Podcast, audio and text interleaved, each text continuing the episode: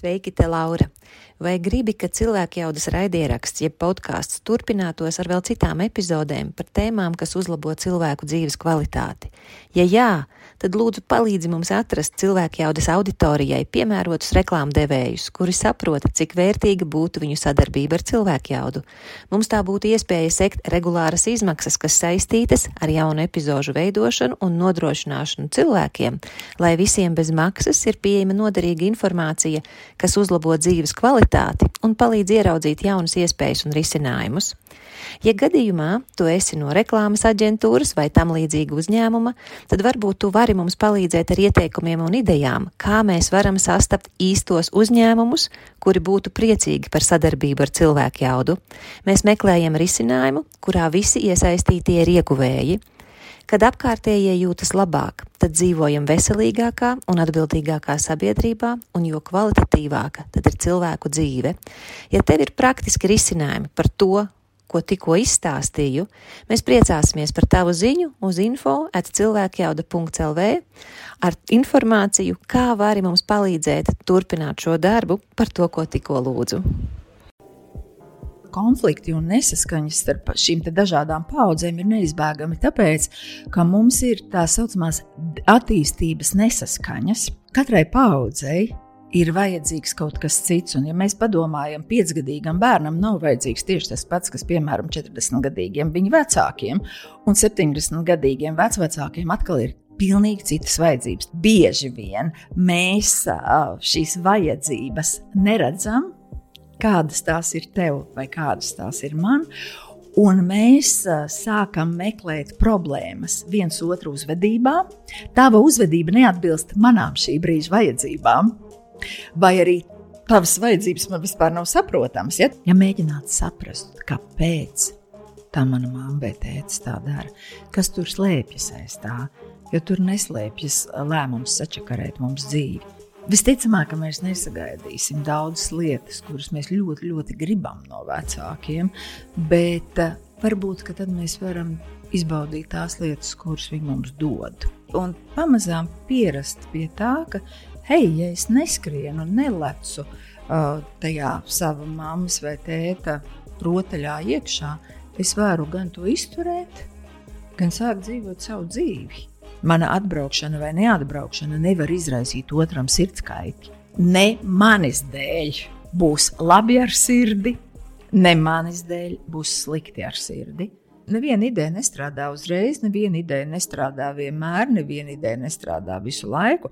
Ķēze ir tā, ka mēs parasti nesākam pirmo reizi darīt. Mēs to nesākam, jo mums šķiet, ka neizdosies.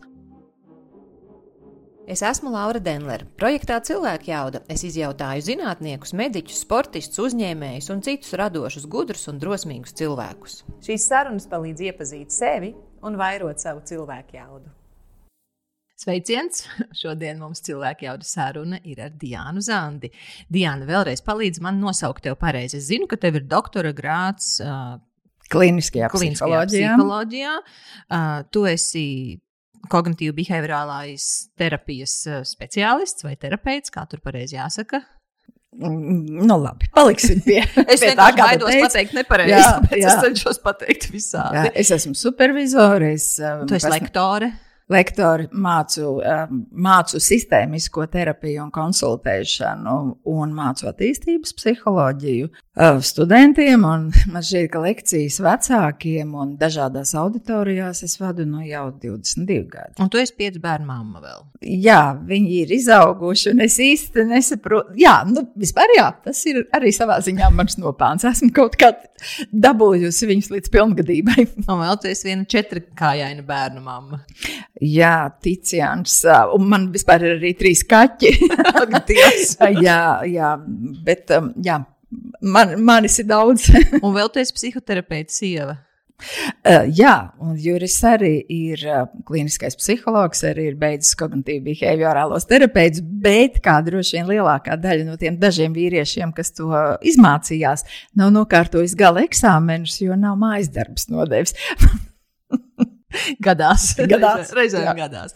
Un mūsu iepriekšējā saruna mums bija par piesaistes veidiem, kas bija ļoti populāra, joprojām ir populāra, un cilvēki turpina viņu skatīties un klausīties. Un sarunas noslēgumā tu teici, vispār mums būtu jāparunā par pieaugušu cilvēku attiecībām ar viņu vecākiem. Un tajā brīdī mana kolēģe teica, lūdzu, jā, jo tas atņem ļoti daudz enerģijas. Un man liekas, ka mēs, pieaugušie cilvēki, esam tādā diezgan grūtā situācijā. Un es šobrīd runāšu tieši par tiem, kas atrodas tādā tā kā sandvičā, jā, sviestmaizē pa vidu starp saviem bērniem, kur ir ļoti daudz vajadzību, un starp saviem jau novecojošajiem vecākiem. Varbūt viņi vēl nav tik sirmi, bet varbūt viņi uzvedās kā diezgan sirmi, un te nav sakars ar matu krāsu. Un es mūsu auditorijai uzdevu jautājumu, kas jums sāp un kas jums traucē attiecībās ar saviem vecākiem, tev jau kā pieaugušam cilvēkam. Un rakstīja man cilvēki no 18 gadu vecuma, kur vecāki, nu, viņiem knapi 50 gadi tiem vecākiem ir. Ja? Es atvainojos, tas mm -hmm. par septiņiem gadiem vairāk tikai nekā man. ja? mm -hmm. Kur arī ir ļoti daudz problēmas un, un cerība, ka varbūt kaut kas no tā, ko tu pastāstīsi, varētu arī viņiem noderēt. Un tieši tāpat rakstīja arī cilvēki, kuriem vecāki ir ļoti sirmā vecumā, un arī tādi, kas jau ir šķīrušies no saviem vecākiem, bet tā sāpe iekšā joprojām ir. Un cilvēku jaudas kontekstā es tiešām ceru, ka kaut kas no tā, ko tu mums pastāstīsi par šīm te sāpīgajām tēmām, iedos vai nu lielāku sapratni cilvēkam par savu situāciju, vai arī idejas, kur tad vērsties pēc palīdzības. Ja? Ka, jo, kā tu pat arī teici, kad mēs sazvanījāmies, nu, tava saruna neatrisinās uh, gadu desmitiem uzkrātas problēmas attiecībās ar vecākiem. Tā kā, nu, tad mēs te, es domāju, darīsim tā, ka mēs veltīsim noteiktu laiku katrai tai grupai, uh, jo sasūtītās situācijas ir gan ļoti dažādas, gan arī viņās ir zināmas līdzības, un es viņas attiecīgi sagrupēju. Kā tu to skaties? Uh, jā, darām tā, bet es tiešām gribu uzsvērt to, ka šeit nav ne tādu absolūti tipisku situāciju, ne arī tipisku risinājumu. Un tāpēc varbūt tas, ko es runāšu, būs gan uh, dažādās teorijās balstīts, un arī praktiskajā pieredzē, un ne tikai manējā, bet uh, kognitīvā behaviorālajā terapijā, un arī sistēmiskajā pieejā. Un Katrs varbūt var izvēlēties kaut ko, ko likt aiz auss un mēģināt ieviest savā dzīvē, jo noklausoties podkāstu un teikt, oh, es jau šito zinu, bet nekas man nepalīdz, jā, tas droši vien nederēs, ka tad patiešām mēs uzņemamies to atbildību, kaut vai nelielu soli, bet ieviest savās attiecībās. Turklāt vēl viena svarīga lieta. Mēs šīs lietas varam ieviest savās attiecībās ar vecākiem, bet mēs tās varam ieviest arī savās attiecībās ar saviem bērniem, jo arī mēs esam vecāki pieaugušiem vai pieaugušiem bērniem. Tātad šis ir tāds tā kā nebeidzamais process. Ne?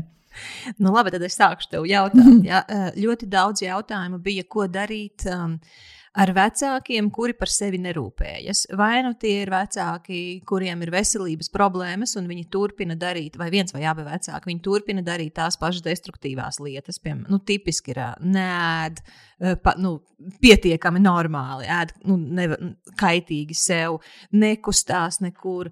Ir reāli nu, noveco acīm redzami priekšlaicīgi. Pat, mm. Mhm. nu, ar to, ka nekas viņus neinteresē. Nu, tā kā, nu, jā, nu, un, un tam bērnam sāp. Nu, Es taču mīlu to mammu, vai es mīlu to tēti, un, un, un, un, un, tie pieaugušie bērni viņi jūtas arī vienlīdz arī, nu, atbildīgi. Nu, man, ja es viņiem nepalīdzēšu, kurš viņiem nepalīdzēs, bet reizēm līdz pat tādam uh, izmisumam, ka man viņus pat vairs redzēt negribās. Es aizēju, viņi čīkst par to pašu problēmu, un viņi jau, jau kuro reizi es viņiem pat saorganizēju, tur ārstu vēl kaut ko nopērku, viņiem vitamīnus, un viņi tik un tā, tik un tā no tā visa neko nedara.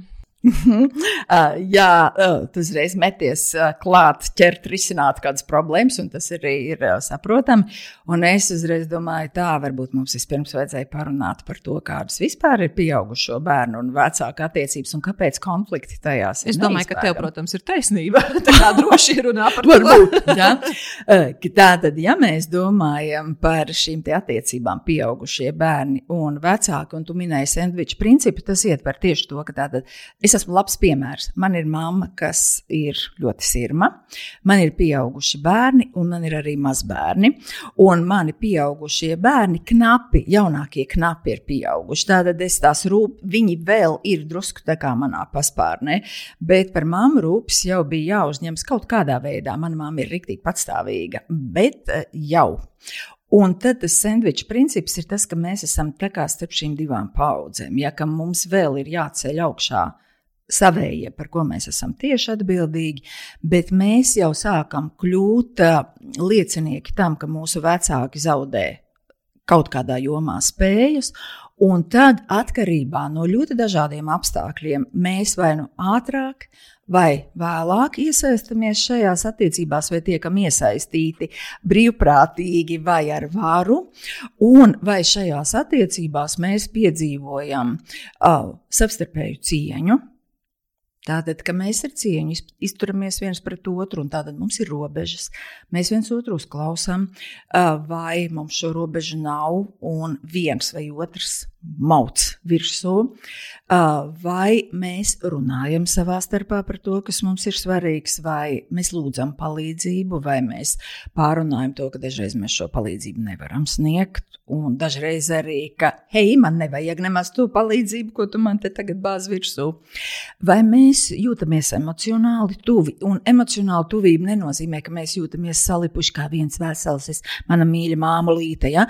bet ka es jūtos emocionāli tuvu ar to savu mammu vai, vai tieši otrādi ar savu pieaugušo bērnu, tādā veidā, ka es varu runāt ar viņu gan par priecīgo, gan par bēdīgo, zināt, ka viņš nepaķers to pārāk emocionāli, bet arī uzklausīs mani, nenolieks manas problēmas un vajadzības, ja mums tā tuvība ir. Un vai mēs esam patiesībā viens otram arī savstarpēji izdevīgi. Un šis izklausās pavisam dīvaini. Jā, kā, kā tu drīksti kaut kādu izdevīgumu tagad pītīt? Bet attiecībās mums patiesībā ir savstarpējais izdevīgums. Ja? Tad vai šīs attiecības ir tādas, kurās mēs iegūstam viens no otra, vai tas ir tā, ka tikai no manis plūst pie tevis, vai tikai no tevis plūst pie manis, vai arī ka te ir tā Mēs viens otram dodam kaut ko. Un varbūt es dodu rūpes, bet tu, piemēram, man dod, nu, labi, kaut kā tu pieskati bērnus. Varbūt šādu situāciju. Dažreiz ir dod naudu. Vai... Dažreiz dod naudu, dažreiz uh, dod man kaut kādu emocionālu atbalstu. Mm -hmm. um, dažreiz vienkārši tu man dod to, ka man patiesībā par tevi ir jārūpējas tik maz, jā, ka tu pats tiec galā. Ja tad šīs lietas. Un šis optimālajā gadījumā, ja ir līdzsvarā, un abas puses to uztver kā līdzsvaroti, tad šie konflikti ir mazāki. Mēs varam teikt, esam, mēs labāk saprotamies. Un, ja kāds no elementiem iztrūkst, nav praktiski nemaz, vai viena vai otra puse to uztver kā nepietiekama, tad var veidoties konflikti. Un tad ir viena tāda interesanta mūsdienās nu, samērā jauna teorija uh, par to, ka uh, konflikti un nesaskaņas starp vecāku, starp šīm dažādām paudzēm ir neizbēgami, tāpēc, ka mums ir tā saucamās attīstības nesaskaņas. Uh, katrai paudzei ir vajadzīgs kaut kas cits. Un, ja mēs padomājam, piecgadīgam bērnam nav vajadzīgs tieši tas pats, kas, piemēram, 40-gadīgiem viņa vecākiem, un 70-gadīgiem vecākiem atkal ir pilnīgi citas vajadzības. Tātad ir šīs vajadzības atšķirīgas. Uh, un ka mm, bieži vien mēs uh, šīs vajadzības neredzam, kādas tās ir tev vai kādas tās ir man. Un mēs uh, sākam meklēt problēmas viens otru uzvedībā. Tava uzvedība neatbilst manām šī brīža vajadzībām, vai arī tavas vajadzības man vispār nav saprotamas. Ja? Tātad tas ir apusēji. Un vēl viena lieta, kas var radīt tādas problēmas, ka mums ir atšķirīga izpratne par to, cik mums šīs konkrētās attiecības ir svarīgas. Tad var būt tā, ka vienam no mums, varbūt mammai, attiecības ar savu pieaugušo dēlu ir ārkārtīgi svarīgas, bet viņam tajā pašā laikā varbūt ir uh, aktuālāks. Būvē. Jā, Jā, vai ne tā? Tad šeit jau ir uh, lietas, kas nosaka to, kā veidojas attiecības, un tad vēl starp paudžu modeļi. Tātad tas, ko mēs esam iemācījušies par attiecībām, kā veidot attiecības ar pieaugušajiem bērniem, uh, kā rūpēties par novecojošiem vecākiem, un ne tikai no tautas pasakām par to, ka mēs aizvedam savus vecākus vai vecvecākus ar ragaviņām uz mežu, bet to nosaka kultūra. Ja? Kā, kur tad paliek vecie cilvēki, un kā tad mēs laižam pie sprites un pie teikšanas jaunos? Vai es nomiršu pie galda, un tikai tad tu varēsi noteikt savu dzīvi, vai tu man aizvedīsi uz pirtiņu? Ja? Un šis viss rada ļoti dažādas kombinācijas, un tad nu, mēs mēģināsim šo kombināciju ietvaros drusku varbūt arī domāt par, tiem, eh, par tām grupām, ko tu minēji. Mm, bet vēlreiz es uzsveru, ka nav noteikta grupa, kurā darot situāciju A, darām darbību X, rezultāts būs Y. Jā, protams. Jā. Un paldies tev liels vienalga, ka tu esi mieru runāt par šīm, te, par šīm te tēmām. Nu, tad tagad ņemsim tos, kad vecāku nevērīga, neveselīga izturēšanās pašiem pret sevi rada mhm. raizes mm -hmm. bērniem, kuriem mm -hmm. gribās, lai ar to vecāku viss ir labi, bet ar vecāku nav labi, kļūst vēl nelabāk, un tas vecāks tik un tā nav piedabūjams kaut ko darīt, mm -hmm. un mhm. tas sāp, un sāp viņā klausīties šī viņa žēlošanās. Mm -hmm. Tad varbūt uh, vispirms mēs varam padomāt par to situāciju, kas tad šeit notiek un tā rīktīgi paķidāt, vai mani vecāki šādi ir uzvedušies. Iespējams, jau allaži, tikai citā veidā, par citām lietām, ka viņi nav rūpējušies par savu veselību arī tad, kad viņi vēl bija darbspējīgi. Iespējams, viens vai otrs pīpēja pārāk daudz vai dzēra, tikai es biju mazs bērns. Un es to tā neievēroju. Uz mani tas tā neatiecās. Ne? Tā tad šis modelis vecāku uzvedībā ir bijis jau sen, mm -hmm. un ka viņi ir pieņēmuši lēmumu to nemainīt. Kur ir problēma? Tagad es esmu pieaudzis, un es redzu, ka mana tēva smēķēšana rada viņam sirds asinsvadu problēmas. Ja? Un es gribu, lai mani vecāki dzīvo ilgi un laimīgi, jo mēs kā bērni gribam, lai mūsu vecāki dzīvo ilgi un laimīgi, jo tad mums ir miers. Ne? Mums nav jāuztraucas. Patiesībā uz otru pusi ir precīzi tas pats. Vecāki grib mieru sev, jā, lai bērniem dzīvē viss ir kārtībā. Uh, tad, ja es esmu sapratis to, ka mana mamma vai tētis šādi ir rīkojušies allaži, un arī tad, kad viņiem varbūt um, viņu vecāki teica, hei, rūpējies par savu veselību, vai ārsts teica, tad viņi šo nedarīja, tad kāpēc man šķiet, ka es ar savu notāciju un lekciju lasīšanu šeit varēšu kaut ko mainīt? Ja? Tātad pirmais ir pieņemt, ka šī situācija ir tāda, kāda tā ir šobrīd. Mana mamma un tētis dzīvo neveselīgu dzīvesveidu, uh, manī neklausās. Uh, ko es daru līdz šim? Un tad nākamais, ko es esmu darījis līdz šim, lai to mainītu? Un parasti mēs nonākam pie secinājuma, ka mēs darām vienu un to pašu.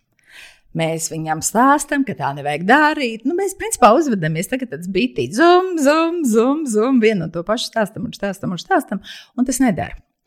Uh, vai ir kaut kas, ko es varētu darīt citādi? Ko es varētu darīt citādi? Viena no lietām, ko ja mēs domājam tieši par vecākiem, nu, par šiem vecākiem, kuri nevisai uh, veselīgi dzīvo, dažkārt var, un tā nebūs gluži manipulācija. Tas ir kaut kas, kas parāda viņiem vērtību. Tātad, balstoties uz viņu vērtībām, ja vērtība ir mazbērni, teikt, klau, mazbērniem ļoti vajag, lai tu esi vesels. Kā tu uz šito raugies? Nevis, ka tu atmestu smēķēšanu, bet ka tu smēķētu tikai par desmito daļu mazāk. Ja tu izsmēķē dienā 20 cigaretes, 18. Kā tu šito skaties? Baigi svarīgi priekš tā sīkā ir. Un es te ieviesu divas uh, taktikas. Ja viena taktika ir priekš tā bērna, un diezgan bieži vecāki ir gatavi kaut ko mainīt, jo viņi ierauga, jau pag, pag, man tam mazbērnam ir tas svarīgais. Un otrs, nevis atmet pīpēt, atmet pīpēt, atmet pīpēt. Nu, pag, tad mēs jau varam sākt teikt, sāc skriet, sāc skriet, sāc skriet. Kāpēc nesākam? Vai ne? Mēs, nemaz, mēs jau darām ļoti līdzīgi tāpat. Tā tad uh, nedaudz kaut ko uzlabo, nedaudz. Uh, un pieņemam, ka viņi var pateikt mums nē. Dažkārt arī mēs varam parādīt tādu tā spogulis par tevi uztraucos. Nu, to jau gan tie vecāki, tie, tie pieaugušie bērni saviem vecākiem saka, es uztraucos. Jā. Un tad vai es saku, es par tevi uztraucos, vai es saku, es par tevi uztraucos, vai mēs esam reaģējuši. Pārsvarā, tad, kad mēs cīnāmies ar saviem vecākiem, lai viņi uzvedas kā mūsu bērni, lai viņi klausītu, lietotu zāles, dzīvotu veselīgāk, mēs sākam uzvilkties, mēs kļūstam reaģējoši. Un kas tad notiek, ja mēs kļūstam reaģējoši? Mūsu vecāki reaģē emocionāli uz mums, un mūsu vairs nedzird. Tieši tāpat kā partnerattiecībās vai kā attiecībās ar bērniem. Kad mēs uzvelkamies, runājam uz emociju fona, otrs uztver emocijas un vai nu jūtas slikts. Ja? Vai nu jūtas vainīgs, vai nu vienkārši sadusmojas, un tā saruna tā kā pļakšņi nokrīt zemē. Viņam Saruna- aiziet ciet, vai ne? Jā, brīdī. Viņš mums ir- nedzird. Protams, Tu tur mums jau arī, mums jau arī ir aizgājis ciet, jo mēs jau arī, nu, mam, nu kā tu nesaproti. Ja? Tad, tad, kad mēs gribam ar tiem vecākiem, ar tiem vecākiem, ar saviem vecākiem, kad mēs gribam runāt un lai viņi mūs dzirdētu, tad ir ļoti svarīgi izvēlēties brīdi, kad viņi mūs var dzirdēt. Uh, sagatavot patiesībā ļoti īsu sakāmo un runāt bez. Uh, Bez emocionālā fona. Un tas, laikam, ir tas pats grūtākais. To var iemācīties terapijā. Jā, to nevar apņemties. Es tagad mammai pateikšu mierīgi. Es mammai pirmo teikumu pateikšu mierīgi, bet tad viņa uztaisīs to pauzu, un viss mans miers būs pazudis. Jo es būšu piecgadīgais bērns, kas nevar panākt to, kaut ko, ko nevarēja panākt toreiz. Ja? Mēs iekrītam vecāku bērnu attiecībās. Mazā bērna, lielā pieaugušā vecāka attiecībās. Un es kā bērns esmu visai bezpalīdzīgs, nu, bezpalīdzīgs, bezspēcīgs, lai panāktu kaut ko no vecākiem. Un viss, un tā spēle ir aizmirsta. Bet tātad par eh, šīm veselības lietām. Bieži vien mēs varam vecākiem parādīt un pastāstīt faktus. Ja? Tā tad tava veselība šobrīd, tev ir cukurdiabetes, tev ir jādara tas, tas, tas, tas, tas, un tā ir tava izvēle. Bet tu saproti, ka tā ir tava dzīve, nevis mana. Tā ir tava izvēle, vai tu to dari, un tad tu jūties labi, vai tu to nedari. Un tad ir sekas, bet es tevi nevaru no tā izglābt. Ja? Šis ir diezgan komplicēti, vai ne? Tas ir es atdodu, uz, atdodu atbildību savai mammai vai tētim un izturu, ka viņa lieto vai nelieto tās zāles. Nevis katru dienu viņai zvanu un atgādinu. Jo tajā brīdī, kad es viņai katru dienu zvanu un atgādinu, ka jālieto zāles, tad viņa man ir kļuvusi par bērnu un es esmu viņai par mammu. Es tagad vienkārši atceros konkrētu gadījumu, eh, kur vecākam ir uh, nopietnas veselības problēmas, un vecāks nu, ļoti neveselīgi dzīvo tieši ēšanas sakarā. Mm -hmm. Un uh, neklausa to bērnu, kas ir pieaudz, pieaudzis cilvēks, jau pāri 30 gadiem. Neklausa un viss. Un nu, tas bērns arī neliekās gar to vecāku nezināms. Mm -hmm. ja? nu, kā, nu, tu pati dari šitā, nu, tad arī mm -hmm. dari tā uz savu galvu. Bet tad, kad tā mamma nonāk reanimācijā, mm -hmm. jau kuro reizi, mm -hmm. tad tas bērns dabūna gan rūpēties par to mammu reanimācijā, gan arī pieskatīties, nezinu, kas nu, tur mammai tur par mājdzīvnieku ir un kas mm -hmm. tur par darba lietām vēl ir, vēl ir jāizdara. Nu, kā, jā, es tagad novilku ar tevi robežu, nu, ja tu mm -hmm. negribi, tad nedari. Bet nu, tā mamma tomēr ir tajā reanimācijā, un ko tad? Jā, un šis, šī skaudra izvēle piedāvām cilvēks var just vainas sajūtu vai ne. Kā, mm, dažkārt ar vecākiem, patiesībā ne jau tikai ar vecākiem, ar partneriem un arī ar bērniem, ja viņi neklausās tos, kurus mīl, ja tos tuvos, tad varbūt ir kāds cits cilvēks, kurā šis te nu, sasirgušais vecāks tomēr ieklausās. Varbūt tā ir kāda draudzene, varbūt tas ir ārsts. Uh, varbūt tad var vienoties, ka viņi palīdz noslēgt līgumu. Kaut vai tikai par zāļu lietošanu, ne par ko vairāk. Ja? Jo mums nav šīs varas pār saviem vecākiem. Tā jau ir tā komplicētā problēma. Ka tajā brīdī es jau to minēju, ka tad, kad es savai mammai sāku lasīt lekcijas par to, cik svarīgi ir dzert zāles un pareizi ēst, viss ir patiesība, ko es saku. Bet māma manī redz bērnu, nevis uh, speciālistu jomā.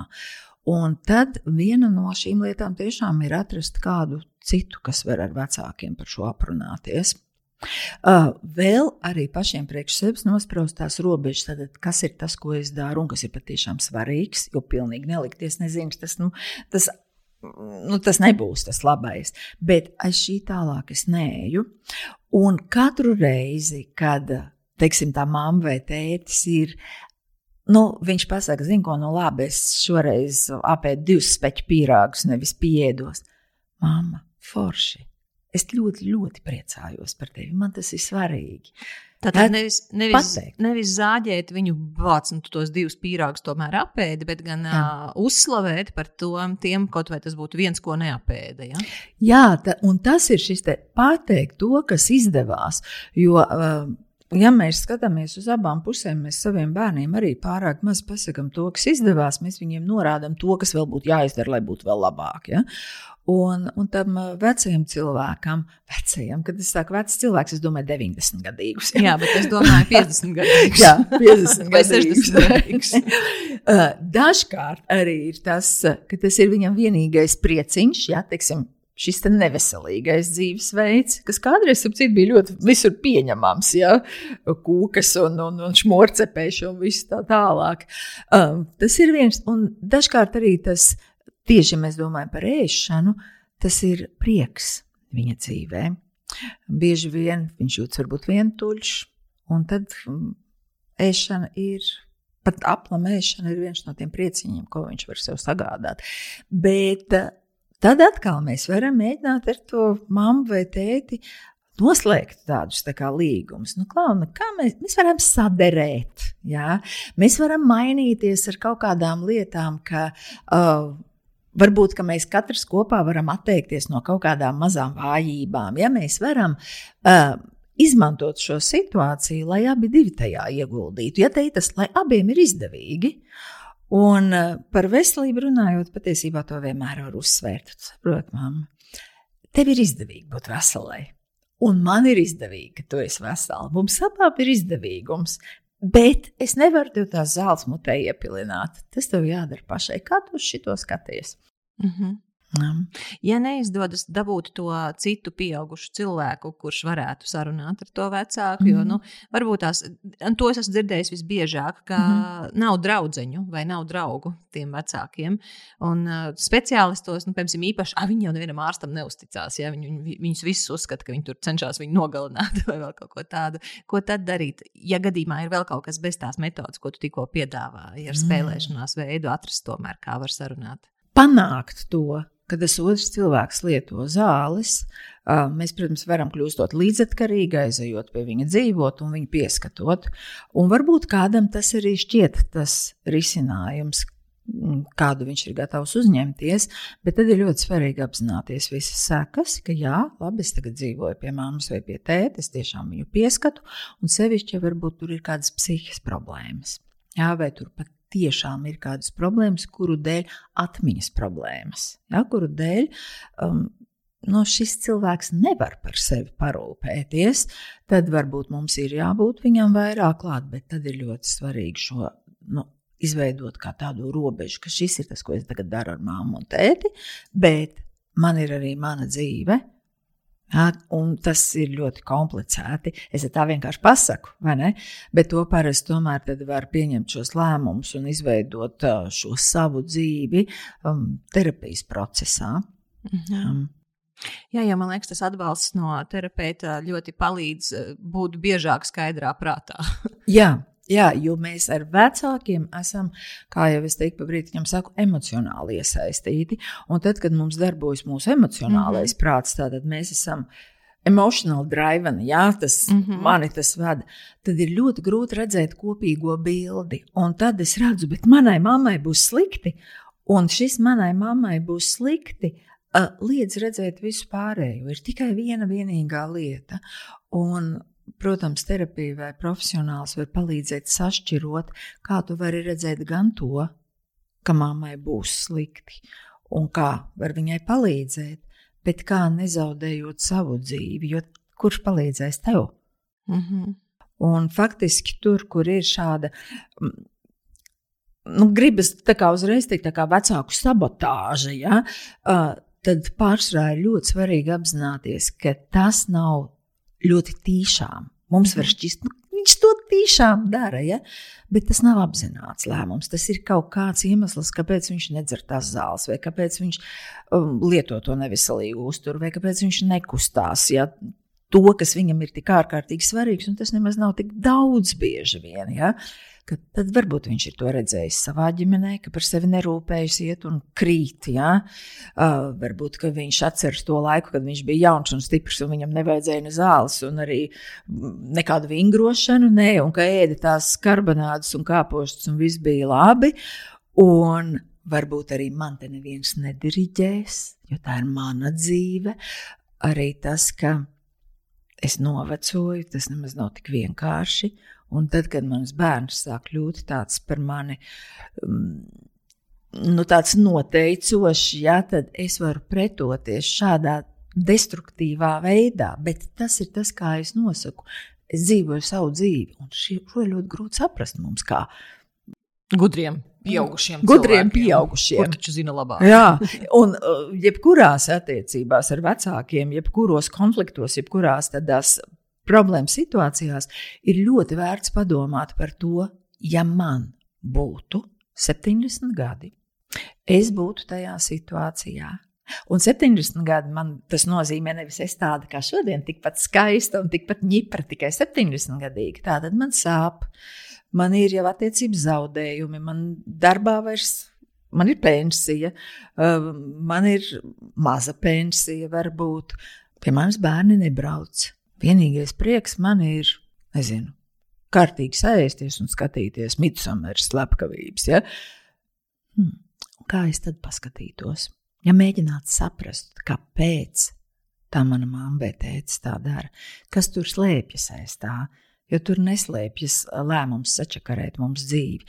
Nu, nē, neslēp, tur nav šāda lēmuma. Mm -hmm. Ja mēs ņemsim to pašu piemēru ar to vecāku, kurš nonāk reanimācijā, ja, un tā ir mhm. atkārtot jau situācija, mm jau kuru reizi, un tas bērns ir nu, nu, reāli izbēsījies, un ir grūti, un ir, ir jādara savas lietas, bet nu, reanimācija tomēr ir reanimācija. Tu saproti, ka tu vari zaudēt to vecāku, un arī esi dusmīgs uz viņu, nu, tomēr uztraucies, un vēl arī, arī bail, ko pārējie teiks kad paskaties, tā meita taču neatbrauca. Ja? Nu, mm -hmm. Negribās jau arī ar tādu nosodījumu saskarties, jo tie pārējie viņi jau nezina, kas mums ir pa problēmu savā attiecībās. Viņi tikai nosodīs rebējāšu vilpaste.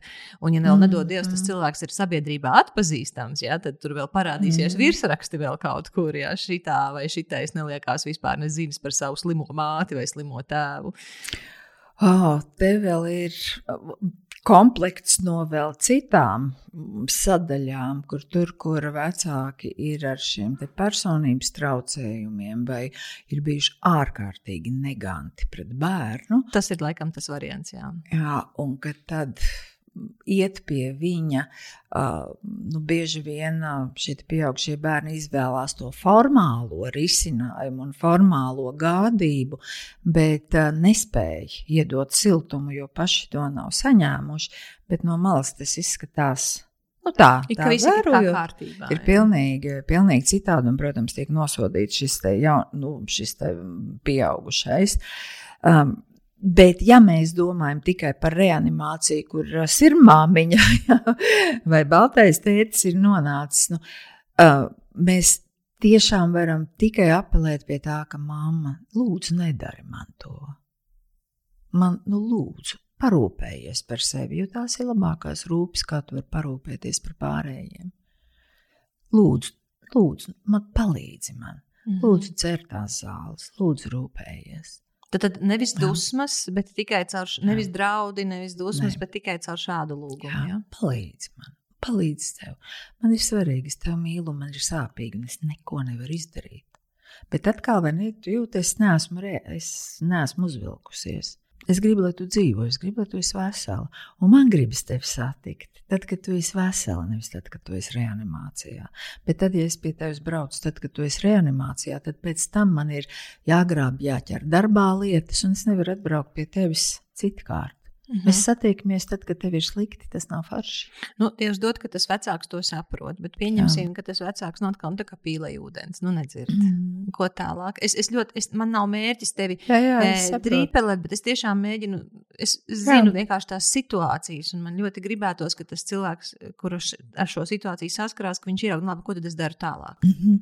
uh, droši vien tad, kad mēs jebkurā gadījumā esam sākam just, ka mēs esam iestrēguši un ne, nenotiek šis es teiktu, hei, šis ir jārisina terapijā. Mm -hmm. Jā, tāpēc, jā. tas ir kaut jā. kas ļoti individuāls, jo es uh, nevaru pateikt, jā. vai ne? Te ir, mm -hmm. tie, te ir tie individuālie aspekti, bet es varu pateikt vienmēr, kā es jūtos, jā, un ka man ir svarīgi, un ka es tevi mīlu, un tu man esi svarīgi. Palīdzi, lūdzu, jā, un mums abām šis būs izdevīgi, mums abiem tas būs labi.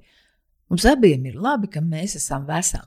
Var vēl vērsties pie māmu pieredzēm, nu, es teicu, māmas, bet arī tēva pieredzēm, ka atceries, ka tad, kad es biju maza, kā tu krenķēji, lai es dzeru zāles, un cik tev bija svarīgi, lai es esmu uzvilkusi siltās bumbierbikses uz skolu. Ja var, tad, kad mēs atgriežamies pie pieredzes, kas ir vecākiem, un tad viņu pagriežam pret viņu, viņam iespējams būs uh, vieglāk. Ja, ka, hei, tu, tev taču bija svarīgi, lai es esmu vesela vai nē. Nu, jā, jo tad man, uh, es taču nevarēju strādāt, ja tu biji slima. Tagad tas ir uz otru pusi. Mm -hmm. ja? Man ir svarīgi, ka tev ir Nevis bumbieru bikses, ja, bet ka tu iedzer zāles. Varbūt vēl ir arī tas, ka sevišķi tur, kur ir kaut kādas atmiņas problēmas, ja kur patiešām vecvecāki aizmirst, ja, šie novecojošie vecāki, tad var izveidot kopā dažādus atgādinātājus, ja, un te ir nu, ļoti daudz dažādu. Vai tas ir plānotājs pie sienas, ja, vai tur ir uh, čeklists, ja, ka tu katru dienu atvelc ķeksīti, ko tu tur esi izdarījis. Uh, un dažreiz varbūt tas ir patiešām arī dežūras pie šī cilvēka, ka vienkārši dienas laikā kāds atnāk burtiski uz desmit minūtēm, ja, tikai pārbaudīt kaut kādas lietas, jo viņš vēl var pats neinvalidizēt, viņu nepataisīt par tādu, kuram tā aprūpe ir vajadzīga lielāka, palīdzēt tik, cik nepieciešams, ja, bet ne vairāk arī. -huh. ja. Un īpaši runāt par kaut ko, kas ir jauks un patīkams, un padarīt tās tikšanās tādas, ka tad, kad mēs, tad, kad mēs runājam nevis par tavu medicīnisko stāvokli, par tavu veselību, bet par kaut ko jauku, tad mēs uzkavējamies ilgāk. Mm -hmm. ja? Kad ir patīkama miedarbība. Un tad, kad par zālēm, tad tas ir minimums. Šī ir pēc būtības pastiprinājuma metode. Ja? Tā tad es apbalvoju uh, mūs abas ar jauku sarunu, tad, kad mēs runājamies par kaut ko, kas ir um, ārpus tavas slimības, un tā, ka tu nedzer zāles. Forši, es domāju, tas ir laba pārēja uz nākamo mm -hmm. grupu, kur bija uh, nu, vecāki. Miedarbība, ar kuriem ir šķietami toksiska, jau ar toksisku mm. ietekmi. Nu, tas ir tie vārdi, ko cilvēki lietoja. Ka, uh, Es atnāku pēc tiem vecākiem, man viss riebjas, nu, man ir grūti. Nu, kā, tas bija smagi ar viņiem būt. Vai tas ir ar vienu vecāku, vai tas ir ar abiem diviem, jo uh, viņi ir negatīvi, ja viņi tikai čīkst par savām lietām, ja viņi tikai aprunā citus, vai viņi tikai sūdzās par valdību, ja nedod Dievs, viņi tur saka, kas tur slikts ar mani vai ar maniem bērniem, kas nav kārtībā. Mm. Un, uh, nu, es jau nevaru arī nebraukt pie viņiem. Es jau tā tik reti braucu pie viņiem. Tas tas, ko cilvēks saka, vai ne? Bet arī tad, kad aizbraucu, pirmām kārtām es dabūju dabonu, ah, tu jau nebaz nevari atbraukt, nu, reku lepnais vai lepnā, jā, nu, tad beidzot tad atradās, atkal ieskries uz trīs minūtēm. Nu, tas, tas tipiskais. Un tad, saka, man negribās vispār, man negribās ne viņiem zvanīt, ne man gribās pie viņiem braukt, bet, nu, nu tomēr vecāki, nu, tomēr viņi paliek ar vien, ar vien vecāki. Ko, ko darīt? Mm. Tas, kā tu to apraksti, ļoti izskatās pēc um, vecākiem ar, nu, specifiskām personības iezīmēm, ja, ko mēdz dēvēt par personības traucējumiem. Un tātad šīs attiecības ir tādas, kuras patiešām allaži atstāja sarūktinājumu, un tas nav tikai tagad, tas ir bijis atkal jau kaut kad. Ja? Jo, lai um, attiecības tā ļoti krasi mainītos, ir jānotiek kaut kam krasam, bet tā, caurmērā jau tā drēbe ir ļoti līdzīga bijusi visu laiku. Ja? Un tad, ja vecāki aližiņi ir bijuši jau bērnībā tādi kritizējoši, neapmierināti vai pieprasījuši uzmanību sev, vai pēc miedarbības ar viņiem šim te, nu, bērnam augot, ir bijusi nepatīkama izjūta. Tad faktiski šī pēcgarša jau paliek. Arī tad, kad varbūt mamma ir tīri sakarīga vai tētis. Bet tad, um, jā, šie vecāki, kuri ir neganti, vai nu pret bērnu, pieaugušo, vai pret viņa bērniem, pret viņa partneri, pret bērna darbu, vai pret valdību, vai pret valsti, vai pret visu ir slikti. Ja? Tā tad um, ir pilnīgi loģiski, ka mums negribas būt miedarbībā ar šādu cilvēku. Protams, ne, mēs gribam, mēs gribam savstarpēju izdevīgumu. Mēs gribam gūt, dodot. Un droši vien viena no pirmajām lietām ir patiešām pārdomāt, cik bieži es esmu gatavs būt kopā ar saviem vecākiem šādā veidā. Un tad arī vienoties par to, ka mēs pie jums brauksim reti. Un, Un tas ir normāli. Mēs pie jums brauksim reti. Mēs pie jums atbrauksim, teiksim, reizes divos mēnešos. Vai mēs tiksimies svētkos, vai mēs iebrauksim tad un tad uz pusstundu, tātad ļoti konkrēti jau sarunāt, un pašiem būt gataviem, ka tās ir tādas tā kā. No vienas puses arī attiecību nodevas. Es tieši gribēju teikt, izklausās pēc nodevām. Jā, Kaut gan arī labās attiecībās, ja mēs domājam par robežām, tas ir ļoti, ļoti svarīgi, ka neviena ne otra puse neiegāžas. Ja, ka bērni vienkārši caurbraucot, iegāžās pie vecākiem uz visu dienu, ja, vai vecāki pie, pie, pie nu, vecākā paudze pie pieaugušajiem bērniem. Tad, tad, tad, kad mēs zinām, ka mums ir šis, nu, tiešām var teikt, nodevu brauciens, uh, tad mums arī ir skaidrs, ka, ok, tas būs. Es to izdarīšu, piemēram, svētkos, nu, Ziemassvētkos. Ja pie vecākiem ir jāiebrauc, mēs iebrauksim, būsim tur uz kaut kādu laiku. Dažkārt, kas palīdz, tad, kad patiešām ir grūti šādās attiecībās, palīdz tad varbūt nevis tikties viens pret viens. Bet palīdz, kad uh, ir tikšanās, kurā ir vairāk cilvēku. Ja, kuram esam atšķēdīti, varbūt visi ģimenes sabrauc kopā. Un tad varbūt tā omītas burkšķēšana drusciņi kaut kā izlīdzinās, vai arī viņi tad sākumā tomēr nesāk to savu repertuāru par to, cik viss ir briesmīgi, jā, bet viņa varbūt runā par to, kā viņa ir piekusus mūs gaidot, ja, bet tas ir mazāk, mazāk grūti. Tātad, tad, kad mēs esam vairāk miedarbībā, sadalās tā cilvēka tā darba karota, ja, un nav tik traki. Tas ir. Tad mm, nākamais, kas droši vien ir svarīgi, ka ar katru cilvēku mums ir tās lietas, kas mums ir atšķirīgas, un tās, kas ir kopīgas. Un tad varbūt ar šo cilvēku kopīgs mums ir tik, cik šī te tas melnumiņš aiz nāk. Mm -hmm. Mēs jau gribētu, lai mums ir ļoti daudz kopīga, bet tā nav. Un tad, kas ir tas, par ko mēs varam runāt ar šo cilvēku, lai tā mūsu kopā būšana būtu pēc iespējas jēdzīga. Bet neceram, ka tā būs optimāla, skaista, tuva, ar apusēju ieguvumu, ar cieņu, ar ieklausīšanos, ar emocionālu tuvību. Šeit tas īsti nav. Šeit tas nav, bet kas ir varbūt temats, kas būtu, ko mēs varam apspriest, kas rada to izjūta, ka bija tīri labi. Un tad ir vērts padomāt par to, ko tie vecāki, kas ir tie viņa mīļie temati, bet bez zākāšanās, vai ne bez, bez kritizēšanas, un pajautāt to, painteresēties. Paprasīt, jo kur ir vēl viena tāda mazā, mazā lieta? Tātad, ja tā mana māma vai tas teica, mūžam burkšķi, mūžam kritizē, ko es daru? Es vai nu nedzirdu viņu, vai nu drusku rādu seju, Ja? Vai nu eju ārā no telpas, vai nu mēģinu viņu apklusināt, vai mēģinu stāstīt to, kas man ir svarīgs. Un viņš tā arī netiek izrunāties par to, cik tā valdība ir šausmīga. Ja ne? un, protams, kas notiek, viņš katrā reizē mēģina tikt pie tā, ko viņš grib pateikt. Ja? Mēs varam ar viņu pateikt, jā, es saprotu, ka tev tiešām rūp šī tā, kā pie mums iet valstī, nu, nu galīgi traki. Jā. Es mēģinu piekrist tam, kam es varu piekrist, bet Klau, tu pagājušā reizē stāstīji man kaut ko par to, ka tu biji mazs vai tu biji maza. Bieži vien uh, par pašu pieredzi. Ja? Uzklausīt stāstus, jo tie ir stāsti par manu pieredzi. Valdība ir slikta, ir mana pieredze. Pie manis neviens nebrauc, ir mana pieredze. Kāda es biju jauns, ir mana pieredze. Un mēs varam varbūt vērsties pie tā cilvēka pieredzes, kuru mums nav tik grūti uzklausīt. Ja? Mēs, ne, mēs nedabūsim no viņa to, ka viņš pajautās, kā tev iet. Jā, tas visticamāk nebūs. Bet uh, ja es pajautāšu kaut ko, kas viņam ir patīkams sarunām, tad saruna būs patīkamāka.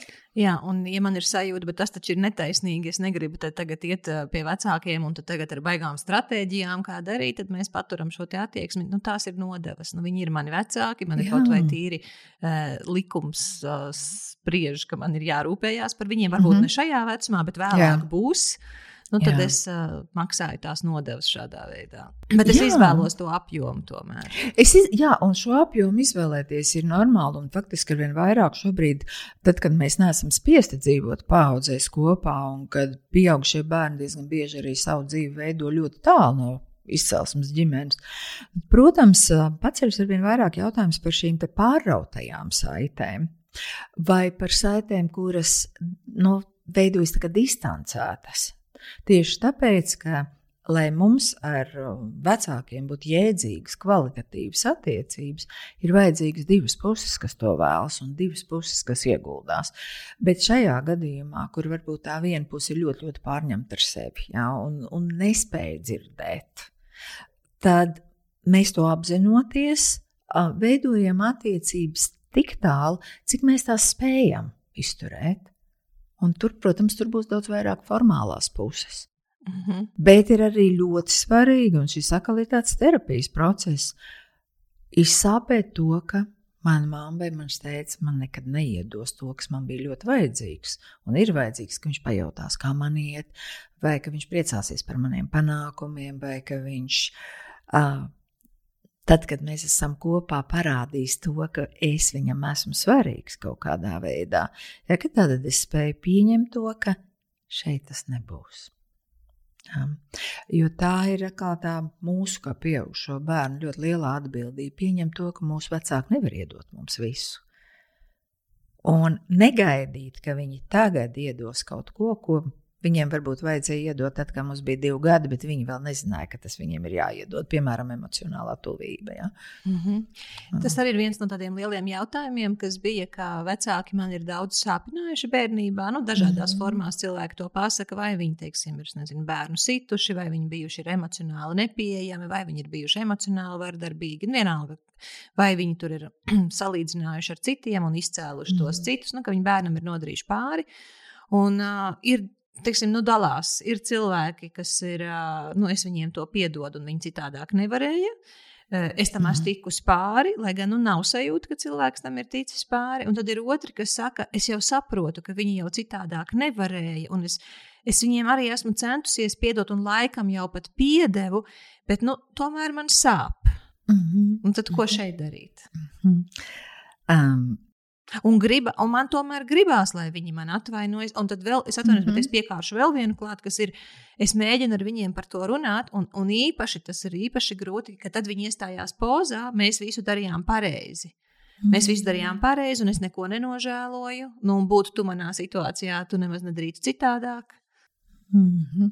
Ir daudz. Jā, kā, bet, bet tās problēmas mm -hmm. parasti nav tādas vienas. Jā, um, nu atkal, ja es esmu pieaudzis un nobriedis un pēc būtības veselīgā veidā mm -hmm. atdalījies no saviem vecākiem. Veselīgā veidā tas nenozīmē, ka es esmu aizbraucis un dzīvoju Austrālijā. Es varbūt dzīvoju tajā pašā mājā, bet es spēju saprast to, ka man vecāku pieredze nav mana pieredze, ka viņi ir dzīvi cilvēki ar savām problēmām, savām kļūdām, un ir bijuši sāpinājumi man, ka es spēju varbūt izturēt to, ko viņi man var tagad iedot vai nevar iedot, un es neesmu tas mazais bērns, kas prasa no viņiem to, ja, bet uh, arī spēju pieņemt to, ka man dažkārt sāpēs, mm -hmm. ja, ka man sāpēs, ka kaut kas nekad šeit nebūs šajās attiecībās, un vienlaikus spēju izgūt no tām attiecībām kaut vai to, cik ir aiz tā naga melnuma, to, kas mums šobrīd uh, ir. Tā, nu, tas kopīgais plosts. Nu, piemēram, kaut vai mm. man garšo māmas ābolmaize. Es, es kaut vai es, viss ir tur slikti, viņiem, bet vismaz ābolmaize ir garšīga, ko viņi man ir izcepusi. Jā, un tad pat nevis vismaz ābolmaize ir garšīga, nu vismaz, bet Māma, vispār tavā būmaize ir visforšākā, kāda es esmu ēdusi. Respektīvi, tad paņemt no tās ābolmaizes, jo dažreiz tiešām tas ir tieši tik, kā māmas mīlestība ir izpaudusies ābolmaizē, un tā ābolmaize ir garšīga. Ja? Tātad te ir tas, ka mēs dažreiz ignorējam šīs lietas, un patiesībā, ja mēs viņus neignorētu, mums būtu diezgan daudz šādu mazu lietu. Diezgan daudz, daudz vairāk nekā ābolmaize. Mums ir labās atmiņas par vecākiem, Tieši tāpat kā drāmķīgās. Mums ir labās pieredzes, pat varbūt nelielas, bet viņas ir. Mums ir labas pieredzes arī šobrīd. Ja? Tikai, ja mēs viņus visu laiku turam tajā sāpinājumu un cerību, mērcītē, māmā atvainojies man, tad mēs viņus nevaram izbaudīt šobrīd. Un te ir šis vairāk darbs man pašai ar sevi. Nevis pieprasīt no māmas, lai viņa atvainojas vai lai viņa atzīst, ka viņa darīja man pāri Ja? Bet pieņemt, ka iespējams viņi ir iemācījusies, ka es vainīga, kļūdījos nekad, jo viņai to iemācīja, ka kļūdīties ir briesmīgi slikti. Ja? Un viņa vienkārši to nemāca. Uh, un ko mēs varam darīt? Tā tad viena no lietām, ko mēs varam darīt, mēs varam uzrakstīt vecākiem vēstuli. Ja? Nevis mēģināt ar viņiem izrunāties, bet uzrakstīt vēstuli. Ka, un tā vēstuli nevis ar visiem pārdarījumiem, kā nu tur bija, bet, bet māma, kā būtu, ka mēs dažreiz sarakstītos. Un ka mm, tu man uzrakstītu, kas bija piemēram grūtākais mani audzinot. Pilnīgi no citas puses es pieeju. Jā, nevis man tur toreiz sāpēja, ka tu uh, mani nelaidi mājās, kad es nokavēju, uh, nebija mājās desmitos pēc pirmā randiņa. Ja? Kas bija tev, ka tu man audzināji pats grūtākais? Kas tev patika? Ja? Uh, Tad, kad es, kad tu man audzināji, man bija dažas tādas grūtas situācijas, bet man patika tas, ka mēs varam varbūt caur sarakstu. Un uh, es dzirdu, ko es saku. Es, es pasaku, kas būtu jādara, bet es jau nepasaku, kā. Un šo atkal, šis atkal ir terapeitisks process pēc būtības. Ja? Vai es spēju uzrakstīt savai mammai vai savam tētim un pajautāt, kā tas bija tev, kad es biju mazs, vai kā, kā tas bija? kas bija grūti. Klau, tad, kad, biji, kad mēs bijām mazi, pēc kādām metodēm jūs mūs audzinājāt? Jums bija tā Benjamins Poka grāmata. Jā, 40 gadnieki ir audzināti, 30 gadnieki pēc tās. Jā. Kā, kā tev ar to grāmatu bija? Ja? Tad šī ir viena lieta. Tad jā, mēs arī, protams, varam pateikt, mamma, man tik ļoti dažreiz gribas, lai tu vienkārši man samīļo un pasaki piedod. Bet šo um, var jautāt, tad, ja man ir sajūta, ka mamma ir ļoti tuvu tai atdošanai, nu, ka viņa to arī grib, tikai viņa neprot. Ja viņa ir tā, kā tu rādīji, ka nē, viss bija. Es visu darīju pareizi, un, un vispār beidzas, mums bija tāda laika, ja? tad visticamāk viņai ir tik ļoti liels tas aizsardzības mūrs, ka tur nekas nebūs. Un labāk arī neprasīt. Tad, jā, jo ļoti sāpēs. Jā, un sāpēs abām pusēm. Jā, sāpēs abām pusēm, jo mēs nevaram pieprasīt atvainošanos.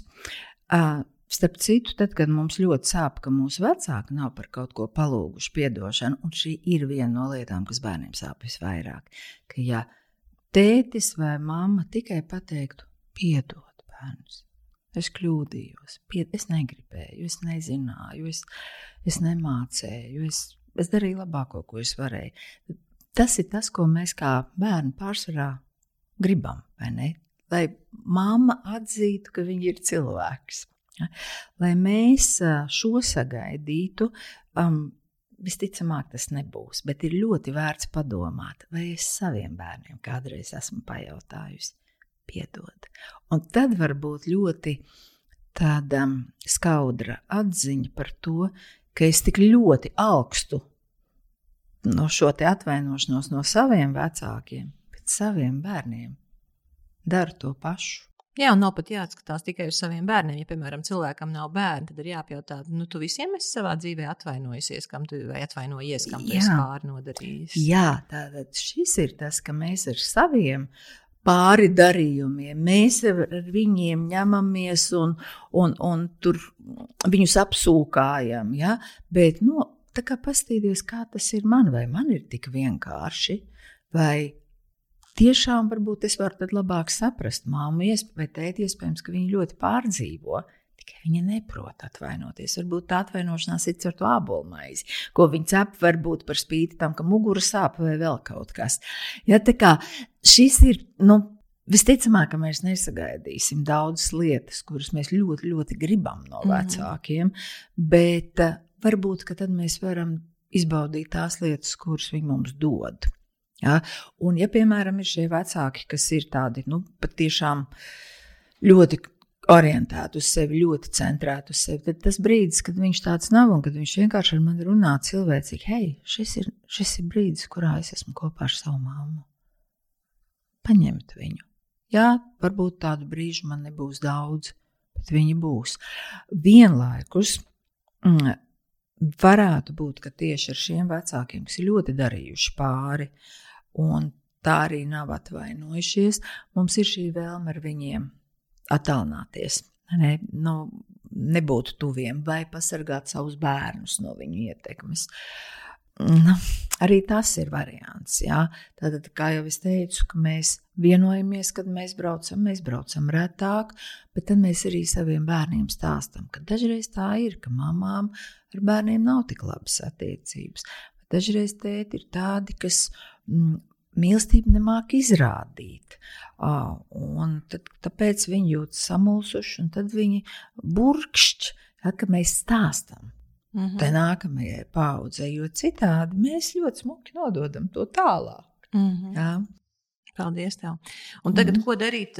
Nu, laikam, man viena no tādām grūtākajām lietām, no tiem aprakstiem, ko es saņēmu no cilvēkiem par viņu grūtībām ar vecākiem, bija tur, kur rakstīja, ka Viņi par visu apvainojās. Jeb arī par būtiskām lietām viņi apvainojās. Nu, kas, cilvēki to nerakstīja, bet man bija sajūta, ka nu, tie vecāki to apvainošanos izmanto kā stratēģiju, lai kaut ko dabūtu vai lai kaut ko komunicētu. Es iespējams to pārprotu, mm. jo tur es nebiju vienaldzīga, tur es nebiju neitrāla. Jo man liekas, tas tik. Man palika žēl šo pieaugušo bērnu, saprotot, ka viņiem ar to ir arī agrāk saskārušies ar tiem vecākiem. Ja? Ka, piemēram, cilvēki arī rakstīja, es kaut ko izdarīju, ar mani nerunāja. Un tur bija gan tētis, vai arī mamma, kur nu kurā situācijā. Ja viens ir vai nu nerunā, tad izmanto šo apvainošanos. Piemēram, tur teiksim, varēja būt tāda situācija, ka mamma ir ļoti vientuļa, visu dzīvi veltīja mums, un mēs viņai to neprasījām. Tā bija viņas izvēle, visu Upur. dzīvi veltīja, veltīja mums. Un tagad, ja mēs kaut kur ejam, mums gribās tur pa savām lietām iet, un mēs nepaņemam viņu līdzi, tad viņi apvainojās. Tad viņi ar mums nerunā. Un, un, un otrs vēl ir, kur atkal tas vecāks ir tāds, kas pārkāpja bērna robežas. Un, piemēram, maniem bērniem tur kaut ko brauc virsū, un es, ne, es ne, ne, ne, nepiekrītu mammai, ka viņi tā var darīt. Un es viņai mēģinu kaut ko teikt, un tad atkal uzreiz raud. Ja, mm. Raud, un, un neko viņai nevar pateikt. ko, ko darīt šajās situācijās? Man tiešām ir no sirds, sirds žēl uh, cilvēkus, kas ar šo saskarās.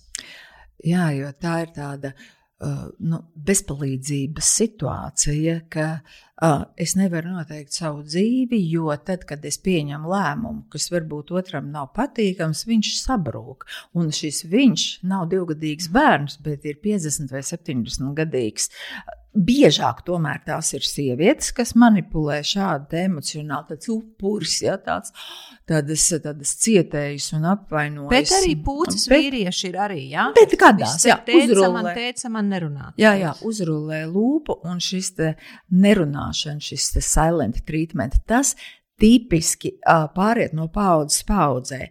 Ar viņiem visticamāk nerunāja kā soda mēru, ja tā tad es tevi izslēdzu, un nav trakāka soda mēra patiesībā priekš bērna, kad vecāki vienkārši viņu ignorē un nerunā. Ja es, tā ir mīlestības liekšana, tā ir attiecību liekšana, es tevi izslēdzu, tevis te nav, es tevi neredzu. Ja?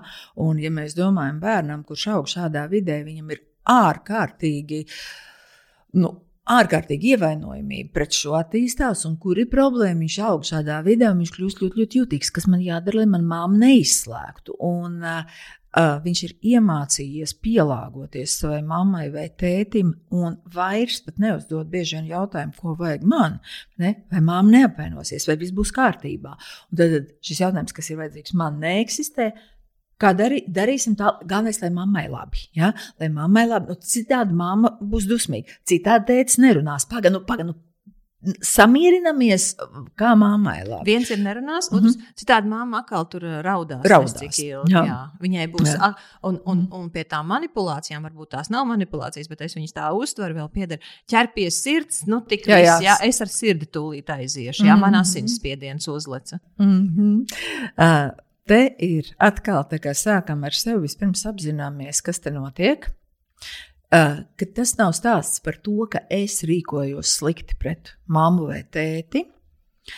Tas ir stāsts, ka viņi ir iemācījušies šādu metodi un to izmanto, lai panāktu savu. Visticamāk, viņi to nesaprot. Ja? Bet viņi to dara.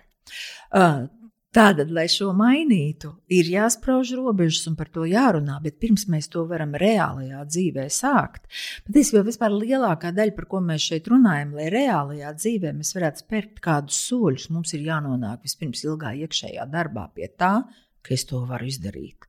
Ka es varu pateikt mammai, nē, vai tētim, ka es varu vienoties par to zāļu dzeršanu vai nedzeršanu, un galu galā, es varu uzrakstīt vēstuli mammai vai tētim, vai, vai pateikt, tev, māmu, cik varš, ka tu pastāstīji man par labajām lietām. Bet tā tad uh, viņi šito dara, un man ir. Vai man šī te ļoti gribas teikt, nu, te ir terapijas stāsts, jo man ir jāiemācās izturēt to, ka mana mamma izdarīs savu spiedienu. Jā, tajā veidā, kurš izturu. vienmēr ir darbā. Jā, ka es to izturu, jo viņa ir pieaudzis cilvēks. Jā, tātad viņa ir pieaudzis cilvēks, viņa nolemj apvainoties. Jā. Nevis es viņu novedu pie tā, ka viņa apvainojas. Vai ka viņa tagad ķer pie sirds. Jā, ar to vien, ka es pateicu, nē, nu mēs tomēr nevarēsim atbraukt uz tiem svētkiem. Jā, tas ir viņas lēmums. Ja, vai viņas, tad, kad es saku vārdu spēle vai rotaļa, tas izklausās kaut kas apzināts. Ja bieži vien tā spēle ir neapzināta, mm -hmm. ja tas ir automātiski. Oi, man ir slikti, un šīs mammas, kuras, kurām ir slikti, tad, kad pie viņām kādu laiku nav aizbraukts, tad, kad pie viņām aizbrauc, viņas ir sašmorējušas un tekalē kā bitītes, viss notiek, viņas ir žirktas. Uh, kad mēs aizbraucam prom, paiet pāris dienas, un atkal viņas mirst nost. Respektīvi, tā miršana, nu, ja mēs iztēlojamies cilvēkam, ir reāls veselības problēmas, viņam ir veselības problēmas neatkarīgi no tā, vai mēs atbraucam ciemos vai nē. Ja, bet šeit ir tā kā pilnīgi tā kā elpo. Ja, ja mēs izdarām pa prātam, tad cilvēks ir vesels. Un, ja mēs neizdarām pa prātam, tad cilvēks ir vai nu uh, slims, vai, vai nu cieši, vai nerunā. Ja? Tā tad pēc būtības izdara kaut ko tādu, ka mēs jūtamies drāmķīgi. Un šī spēle, tā miedarbība ir tāda, ka bērnībā mums nebija iespēju izvairīties no tā. Mēs darījām visu, lai mammai vai tētim ir labi. Un te ir tas pozitīvais pastiprinājums. Tātad, ja mamma tie ir pie galvas un viņai bija slikti, tad bērns gāja viņai sačibinājis pilvenus, vārīja kakao, bija klausīgs, negāja uz klases vakaru, ja, neaicināja ciemiņus mājās un tā tālāk. Un tas mammai vai tētim deva šo signālu, ka, hei, kad man ir slikti, tad es to bērnu dabūnu pie sevis. Ja? Tātad, tā ir tāda tā manipulācija ar vainas sajūtu, ja tas bērns jūtas vainīgs. Oh, nu jā, tagad es kā pieaugušs cilvēks spēju izturēt to, ka es jūtos vainīgs. Un spēju nodalīt to, manas emocijas, ka es jūtos vainīgs, nav tas pats, kas fakts, ka es esmu, es esmu vainīgs. Mm -hmm. Ja? Tā ir tā lieta. Un šis atkal ir kaut kas, ko mēs nevaram iemācīties no podkāsta. Ja? Ka vai tas, kas notiek, vai mamma jūtas tagad slikti, tāpēc, ka es tiešām kaut ko izdarīju, tas ir fakts, vai vienkārši uh, es jūtos, ka es kaut ko viņai izdarīju. Es pie viņas neaizbraucu, un tāpēc viņai ir slikti, es esmu vainīga. Nē, nē, nē, nē, nē. nē. Mana atbraukšana vai neatbraukšana nevar izraisīt otram sirdskaiti. Sirds spiedienu lēkāšana. Jā, jo ja viņai tāpat lēkā tas spiediens. Jā. Jā, šis ir oiku, šis ir. Ja? Tad klusēšana, klusēšana ir ļoti drāmīga lieta. Un atkal, ja tas cilvēks ir iemācījies un iespējams ir pats piedzīvojis klusēšanu savā bērnībā, iespējams, partnerattiecībās šādi uzvedies, tagad tā uzvedas pret pieaugušajiem bērniem, skaidrs, ka mēs ar tādu jauku sarunu šo nekādā veidā nekur nemainīsim. Mēs to nevaram mainīt, bet mēs varam pateikt, māma, man, ne, man, man nepatīk, ka tu tā dari, man sāp. A, zini, kā man sāp? Un tad atkal nerunā. Vai mēs varam sarunāt, ka tad, kad tev sāp, tu pasaki, man ir bēdīgi, man ir grūti, un ka mēs abas varam to pateikt. Jo citādi es dzirdu, ka tu par savām sāpēm runāsi, par savām galīgi ne. Mm -hmm. Mēs esam divas pieaugušas. Man gribētos, ka es arī kādreiz varu padalīties tajā, kā man iet. Man dažreiz gribas, lai tu man uzklausi. Ne? Es man tik grūti šobrīd ir novaldīties un neprasīt tev vispār par tiem, kas izmanto stratēģiju nerunāšana. Mm. Darba vietā, nu, ģimenē, draudzenes, draugi savā starpā. Jā. Nu, draugus es tos retāk dzirdējusi, bet draudzeņu starpā nu, viņi man nerunā. Un tas cilvēks, kuram tas ir triggers, jau no pieņemsim visticamākais bērnības pieredzes, viņš nerod sev mieru. Un it kā saprot, Jā. jo, ja, veselīgs, ja mēs esam ar veselīgu attieksmi ieaudzināti, tad mums ir, nu, nerunā, nerunā, nu, muļķi kaut kāda nu, tur, mm -hmm. ne, nu, lai nerunā, nu, tad nevajag mm -hmm. man ar viņu tur tikties. Bet, nē, nu, it kā draudzene jau labi ir, un tās pārējās draudzenes arī labas ir, un kā viņi tagad ar mani nerunā. Un, un tur, nu, tā kā mēs tā kā luncināmies riņķī, mm -hmm. bet tas ir saistīts ar to, kāda ir bijusi tā mūsu iepriekšējā pieredze. Kā mēs, uh, ja mēs varam pavisam īsi, mm -hmm. kā mēs varam novilkt robežu ar tiem, kas nav mūsu vecāki, bet arī izmanto šo nerunāšanas mm -hmm. stratēģiju. Tur jau ir vieglāk.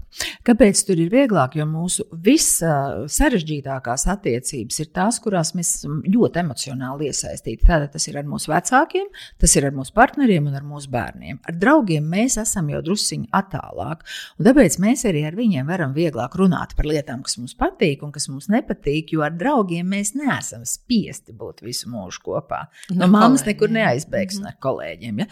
Un šeit var to uzrunāt tieši, ka klau mierīgā brīdī. Nevis tad, kad ir tas, tā nerunāšana, bet klau, mēs varam pamēģināt citreiz, kad mums ir kaut kādi konflikti, neizmantot nerunāšanas stratēģiju. Jo tā, mēs to, mums tā ir regulāri, mēs to izmantojam, bet viņi nepie kā labi nenoved. Vai arī varbūt vismaz tad, nu, saīsināt to, jo patiesībā man šis mulsina. Mēs esam pieauguši cilvēki, mums ir kaut kāds konflikts, un tad to apklusti. Man, man šis, man šis nav pieņemams. Mēs varam kaut kā citādāk. Es nezinu, vai mhm. tā ir stratēģija vai nav, ko var izmantot arī ar, ar vecākiem, lai atvieglotu savu situāciju. Man ir forša draudzene, uh, kurai partneris ir tāds, kurš ik pa laikam nonāk šajā. Es ar jums nerunāju. Nu, kā, nu, tas, nu, tas, ir, tas ir ļoti grūti izturams. Mm -hmm. Bet viņa ar to tiek galā pārsteidzoši veselīgi. Es nezinu, vai tas ir pareizi no stratēģijas viedokļa, bet viņa necieš tajā brīdī. Viņa saka, manējam ir don't speaks.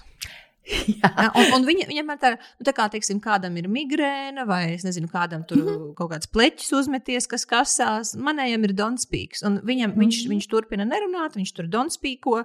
Un viņi vienkārši dzīvo tālāk savu dzīvi. Jā, un te ir brīnišķīgs piemērs, kur viņa nekļūst līdzatkarīga. Ja? Jo lielākoties kādam ir Donspīks, ja izgājis driznaks, ja viņa, viņš apklusa. Kas viņš tas ir? Izgājis driznaks, tas ir no Vinija Pūka. Izgājis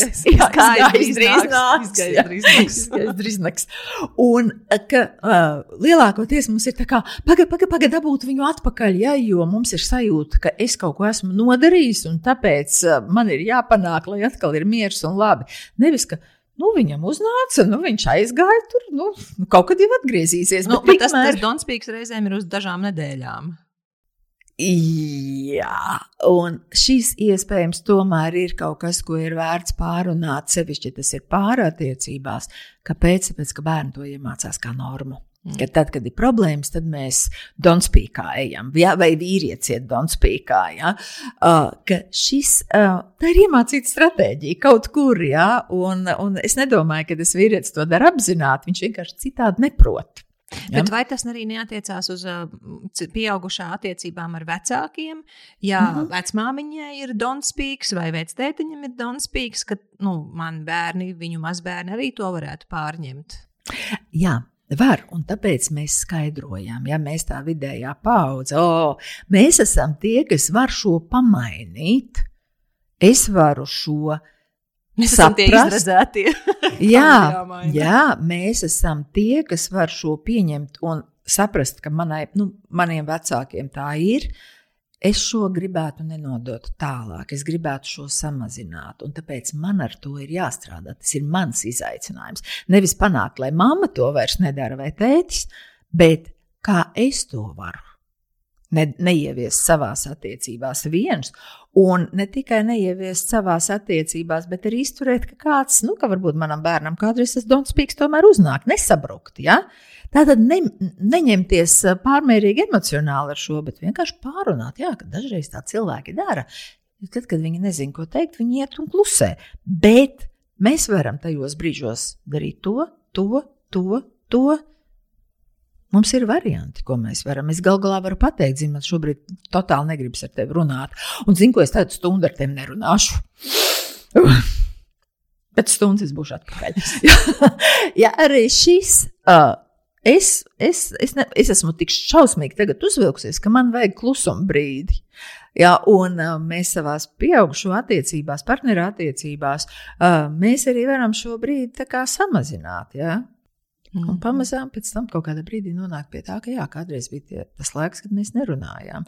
Sapratu, šeit ir interesanta, interesanta tāda nu, klāsterīša, interesanta, interesanta pieredze ar to, ka diezgan bieži ir tā, ka ir ģimenes, kurās nevis ir donspīgs, bet ir šis itāļu variants, ja, kur ir ļoti tas daudz emociju, kas nāk ne, virsū. Nevar no viņa atgaiņā. Jā, jā, ļoti, ļoti intensīvi. Un tad ir tas, kas ieiet te klusēšanā. Jā, tās ir tādas divas galējības, patiesībā. Viens ja mēs, un tas pats, jā. Nu, pēc būtības mēs netiekam galā ar situāciju, mēs vienkārši to otru gribam dabūt tuvāk, vai ne? Un vai arī pārvarēt to ļoti lielo spriedzi, kas man ir, un vai nu es apklustu, vai nu es neturku to klusumu, un tad es no tā donspīka velku ārā. Bet Mm, tev ir daudz spīgs. Vēl, protams, šeit arī var humoru izmantot. Sevišķi partneru attiecībās. Tad, kad tev ir daudz spīgs, pasaku, uz cik ilgu laiku es varu rēķināties. Tā ne? Tā viss, jā. jā, tas ir tas. Ar vecmāmiņām, ar, vec, nu, ar mamām, tētiem šis donspīgs mūs uzrunā trakāk. Kāpēc? Tāpēc, ka kamēr viņš klusē, kas ar viņu notiek. Varbūt viņam tiešām kaut ko vajag, jo viņš neceļ telefonu, varbūt viņam kaut kas slikts ir noticis, ja? varbūt viņam ar veselību kaut kas mums sāk raisīties, tā fantāzija visā tajā sliktākajā variantā. Uh, Bet tad atkal, oh, redz, tie veselīgie risinājumi, viņš šķiet tādi ļoti neiespējami. Eh, ka mēs tai vecmāmiņai varam pateikt, Klau, tad, kad, tu, nu, tad, kad es tev zvanu, un lai arī tu negribi ar mani runāt, eh, tomēr atbildi, jo man ir jāzina, ka ar tevi viss ir kārtībā. Pēc tam tu atkal vari nerunāt. Mēs varam arī vienoties par šo. Un tad, kad mēs ļaujam tai nerunāšanai būt kā, nu, tā ir viņas iezīme. Mums tā arī vairs tik ļoti nes nesatrauc. Mm -hmm. vai, tu vari iedot piemērus robežu novilkšanai Donspīka sakarā ar vecākiem? Un, jo mhm. tur, kur tā ir tomēr diezgan agresīva metode, ļoti tā, mm -hmm. nu, mhm. spēcīgi spēlējot uz jūtām un, un ļoti cenšoties ar to kaut ko iemanipulēt sev vajadzīgajā virzienā. Mm -hmm. ja? Ak, tu šitā izdarīji, ja? tu tagad mm -hmm. aizgāji uz tām kāzām, ja? mēs taču ar viņiem jau cik ilgi darām, ja tu, ja tu es tev nerunāju. Es tev nerunāju, mm. -hmm. tad kā novilkt to robežu, tomēr tur, kur ir robeža jānovelk? Kā, kādas būtu tās frāzes? Mm. Nu, tā galvenā robeža ir sev pašam novilkt, sev, ka es šo izturu, apzinos, ka otram ir tāda stratēģija. Un, un eju uz tām kāzām. Eju uz tā. kāzām, un kāzās nevis ik pa 15 minūtēm domāju par mammu. Vai kaut ko jau uzrakstīju? Jā, jā, bet ķeru sevi pie šī, un ok, jā, mamma man ir līdzi. bet es eju, un ko es varu darīt, lai es piedzīvotu tās kāzas? Tas ir treniņa jautājums. Ja? Dažkārt uh, cilvēki saka, bet es nevaru izbaudīt to, un tad es labāk neeju nemaz. Uh, stāsts nav par to, ka tu iesi izbaudīt, tu iesi trenēties. Super. Pirmajā reizē Super. tu trenēsies, astotajā trenēsies, un vienā brīdī tu sapratīsi, ka, hei, es spēju dzīvot savu dzīvi arī tad, ja manā māte tur mājās taisa grieķu traģēdiju. Ja? Ka šis ir, jo tas ir viņas lēmums. Um, te droši vien arī jā, bet ja nu ar mammu vai tēti kaut kas notiek, jā, tā jau ir tā manipulācija, ka mēs jūtamies vainīgi. Um, man kādreiz sen, sen, sen mm, viens cilvēks pateica tā, ne tevis dēļ sāka dzert, ne tevis dēļ beigs dzert. Un es ļoti to sadzirdēju. Ne manis dēļ būs labi ar sirdi, ne manis dēļ būs slikti ar sirdi kamēr tas cilvēks ir pieaudzis, ve, nu, ar skaidru domāšanu, rīcības spējīgs. Tie ir viņa lēmumi, viņa lēmumi, kas noved pie tā, ka viņš jūtas vientuļš, viņa lēmumi, ka viņam ir oh, asins spiediens, viņa lēmumi, ka es pie viņa negribu braukt šajā gadījumā. Ja, vai viņa lēmumi, ka es um, um, arī pasaku, nē, es eju uz kādām un, un miers. Ja. Milzīgs tev paldies par šo te perspektīvas maiņu, ka es jā, es gribēju iet uz kāzām un izbaudīt, bet tā kā man tur uzrīkoja otra puse, nu, man nesanāks izbaudīt.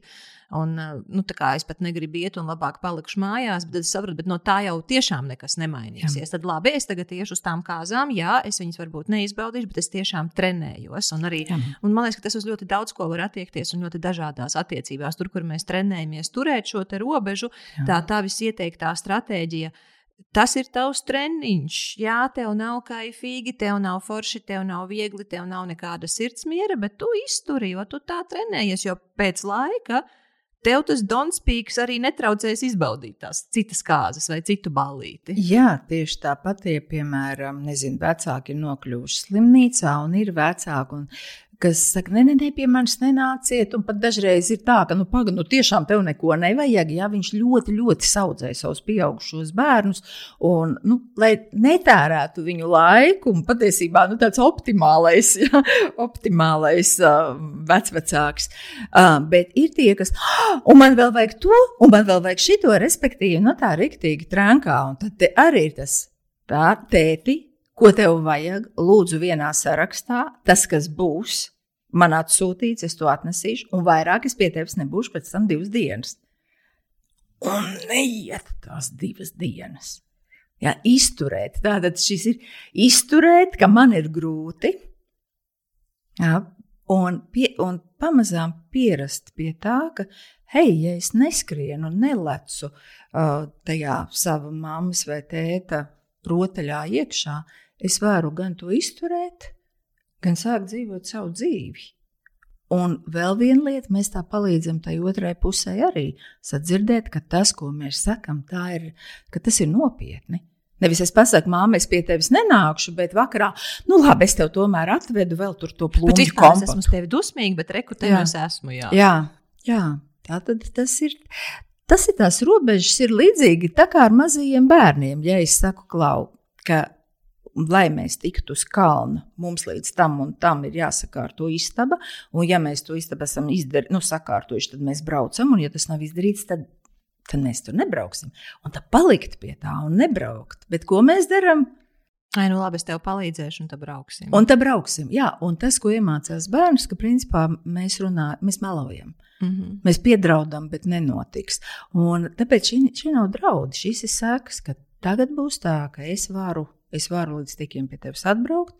Ja tu man esi iedevis sarakstu, es to atvedu, bet es pēc tam vairs nevarēšu. Mhm. Tagad iesim Diana tajā, kur ir kontrolējošie vecāki. Ja, mhm. ka, un es tiešām atceros šos stāstus. Mammai ir 85 gadi, meitai ir 55 gadi, un tā māte ar savu dzelzceļa roku joprojām tā bērna dzīvi. Nu, bojā, nu, padara par dzīvām mokām, jebkurā gadījumā. Bet te ir arī, mhm. teiksim, bērnam varbūt ir 25 gadi, uh, varbūt bērnam ir 35 gadi, un pilnīgi vienalga, cik gadi ir tam bērnam. Bet ka, ka vecāki tev vajag darbā darīt šitā, tu nedrīkst darbā darīt šitā, neej prom no tā darba, ej taču prom no tā darba. Kā tu šito mācīsies? Kas tev tas pa partneri mm. tur ir? Ja kāda viņa tev tur ir? Vajag būt šitādai, kā tu tos bērnus tur audzini? Ja? Kā, kā tu uzģērbi? Šitais taču tev nepiestāv. Ko tu tagad mm. ēd? Veģetāriete būsi, kas tu un tagad vispār bērnu skapā iedzīsi? Nu, es, es minu nu, visdažādākos piemērus. Ko darīt? un, un, un, un, viss, un, un bērns izvairās, jau sāk jau nebraukt, sāk jau neteikt lietas, bet nu, tas jau neko nemaina. Viņi kā bija mm -hmm. kontrolējoši, tā palika. Mm -hmm. uh, šis līdz 55 gadiem ir iespējams tikai tad, ja bērns nav nospraudis robežas. Vai ne? Uh, Kurā brīdī tu pateici mammai, klaumām, paldies par taviem ieteikumiem, bet uzticies man, es esmu tagad pieaugusi. Tagad ir mans laiks. Es pieņemšu savus lēmumus darbā, es pieņemšu savus lēmumus privātā dzīvē.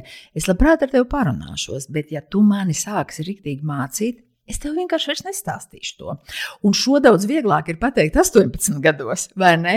Kad ir pilnīgi normāli pateikt, ka jūs man riebjaties, es no jums nevaru sagaidīt, kad es tikšu no jums prom, vai ne? Kad tas ir pilnīgi normāls sadalīšanās process. Bet, ja es 18 gados mammai bija laba meita vai labs dēls, un tad ir 30, un es esmu vienmēr piekāpjos, un, un ne, es nekad neesmu spējis pateikt, nē, es tev nepiekrītu, nē, es to situāciju redzu citādāk. Tad 55 gados visticamāk nekas nemainīsies. Ja, jo tas viss tie piemēri, ko tu minēji, ir tas, ka tā mamma šiverēja par to pieaugušā bērna dzīvi tā kā pa savu ķēķi.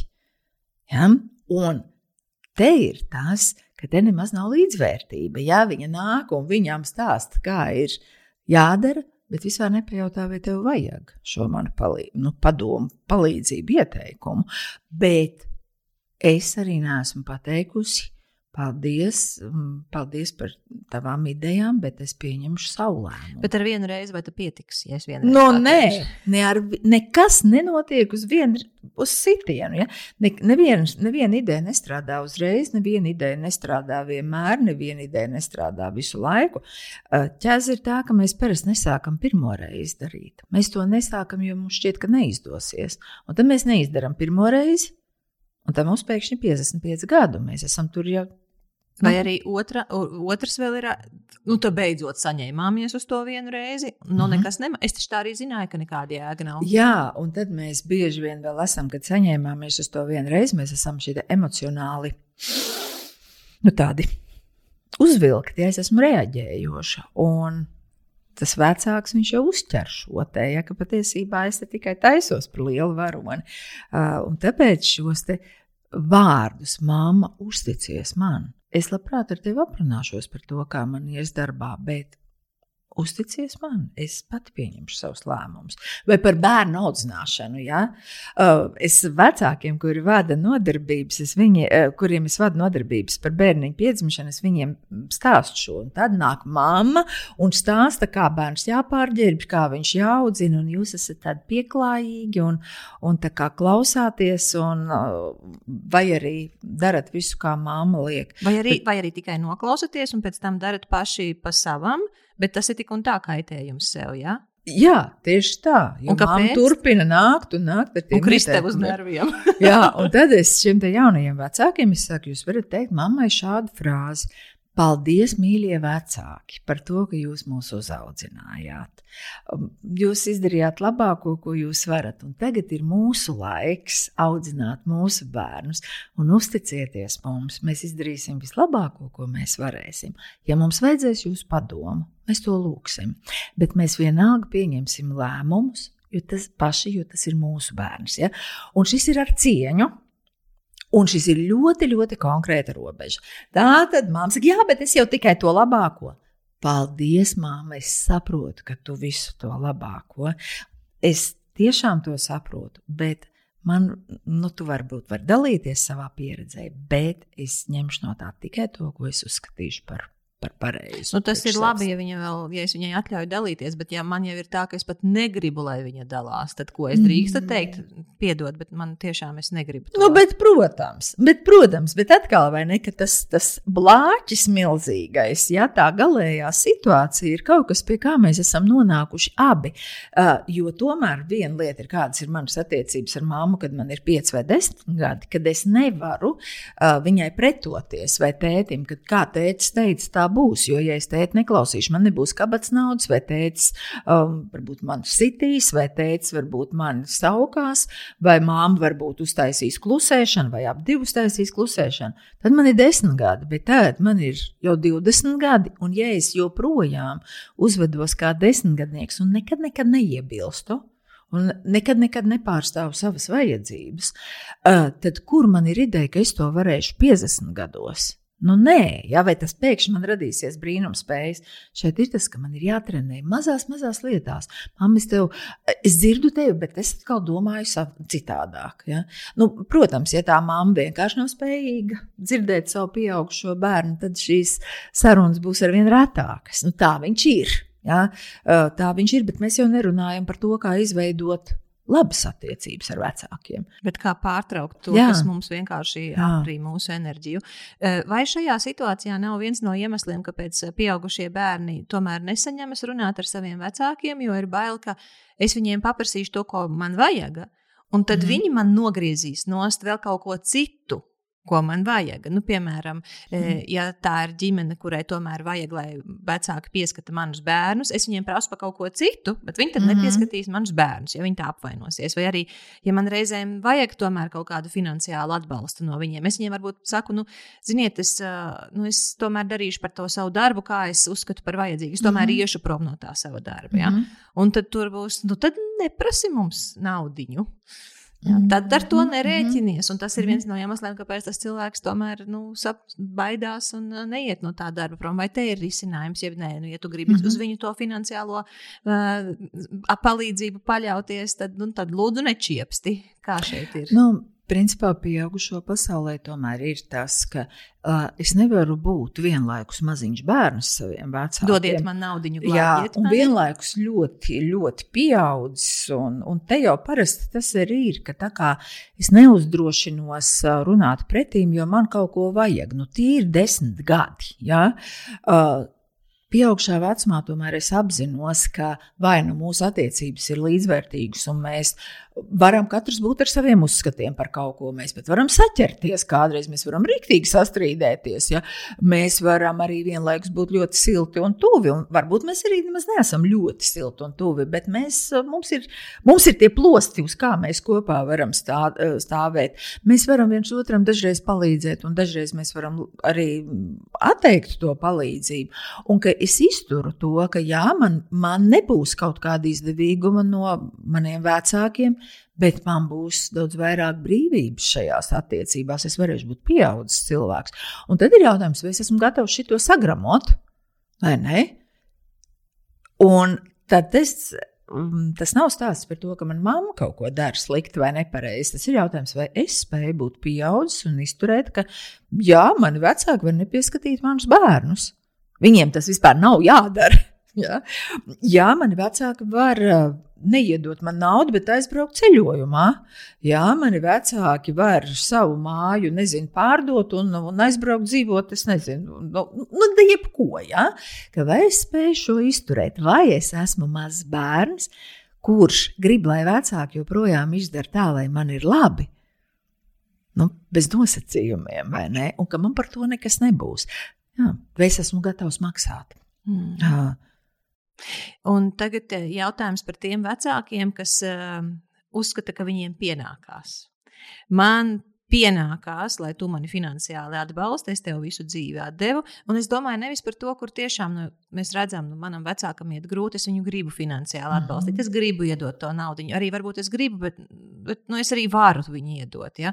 Bet ir vecāki, kas ir, nē, nu viss, tagad, tagad uzturiet mani. Un viņi, tas var sākties jau nu, diezgan agri. Tas var sākties pat vēl pirms 60 gadu mm -hmm. uh, vecumā. Tas ir viens. Otrs ir, uh, to biežāk es saņemu no cilvēkiem, kuriem vecāki dzīvo laukos, kur tomēr ir daudz darba. Ja? Ka, nu, tad brauciet, mums taču tie kartupeļi jānorok. Jums taču pašiem vajadzēs tos kartupeļus jeb tie tomāti, tur ir tā siltumnīca jāpielabo, vai tā zāle ir jānopļauj, vai tas mm -hmm. jumts ir jānomaina. Nu, kā, mm -hmm. kad, eh, un, un tad ir dusmīgi, ka nebrauc. Un tas cilvēks jau ir nostrādājies savā darbā, viņam tur ir pa pilnam stresa, un viņš, viņš grib beidzot atpūsties, bet aizbraukt tajā vidē būt varbūt pat tam darbam pašam varbūt nemaz nav tik liela vaina, lai gan tas arī ir nogurdinoši un gribas to mm -hmm. laiku varbūt pagulēt pie jūriņas, ja, ko vecāki, protams, uzskata, ka Dievs šī tādu izlaidību, uh, bet arī atrasties vēl tajā vidē kur tev vēl zāģē, ko tu un kā tur nepareizi dari.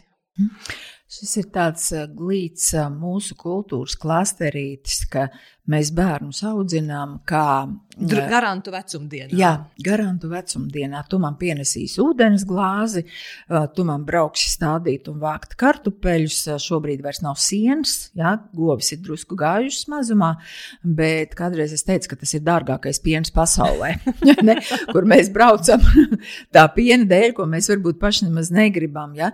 Vai arī šī ūdens glāze tiek pienesta šajā naudas veidā vēl darbspējīgiem vecākiem, kuriem varbūt nemaz tas nav īsti vajadzīgs, vai varbūt kaut kādās īpašās dāvanās, vai nu, tādos, nu, tādos pat. Uh, Neizdzīvošanai vajadzīgos, ne tiešām nebūtiskos kaut kādos mērķos. Ja? Uh, tad atkal, kurā brīdī tas sākās, jebkuru lietu var mainīt, ja mēs uzķeram to momentu, kad tas ir sācies un vēl nav attīstījies līdz ļoti lielam, lielai problēmai. Ja? Uh, ja tas tomēr ir, nu mēs saprotam, ka hei, mani, mani vecāki patiesībā abi strādā, bet tā kā man ir ļoti labs darbs un es ļoti labi pelnu, tad viņi kaut kā pačīkst mūžīgi par to un šo un vēl kaut ko.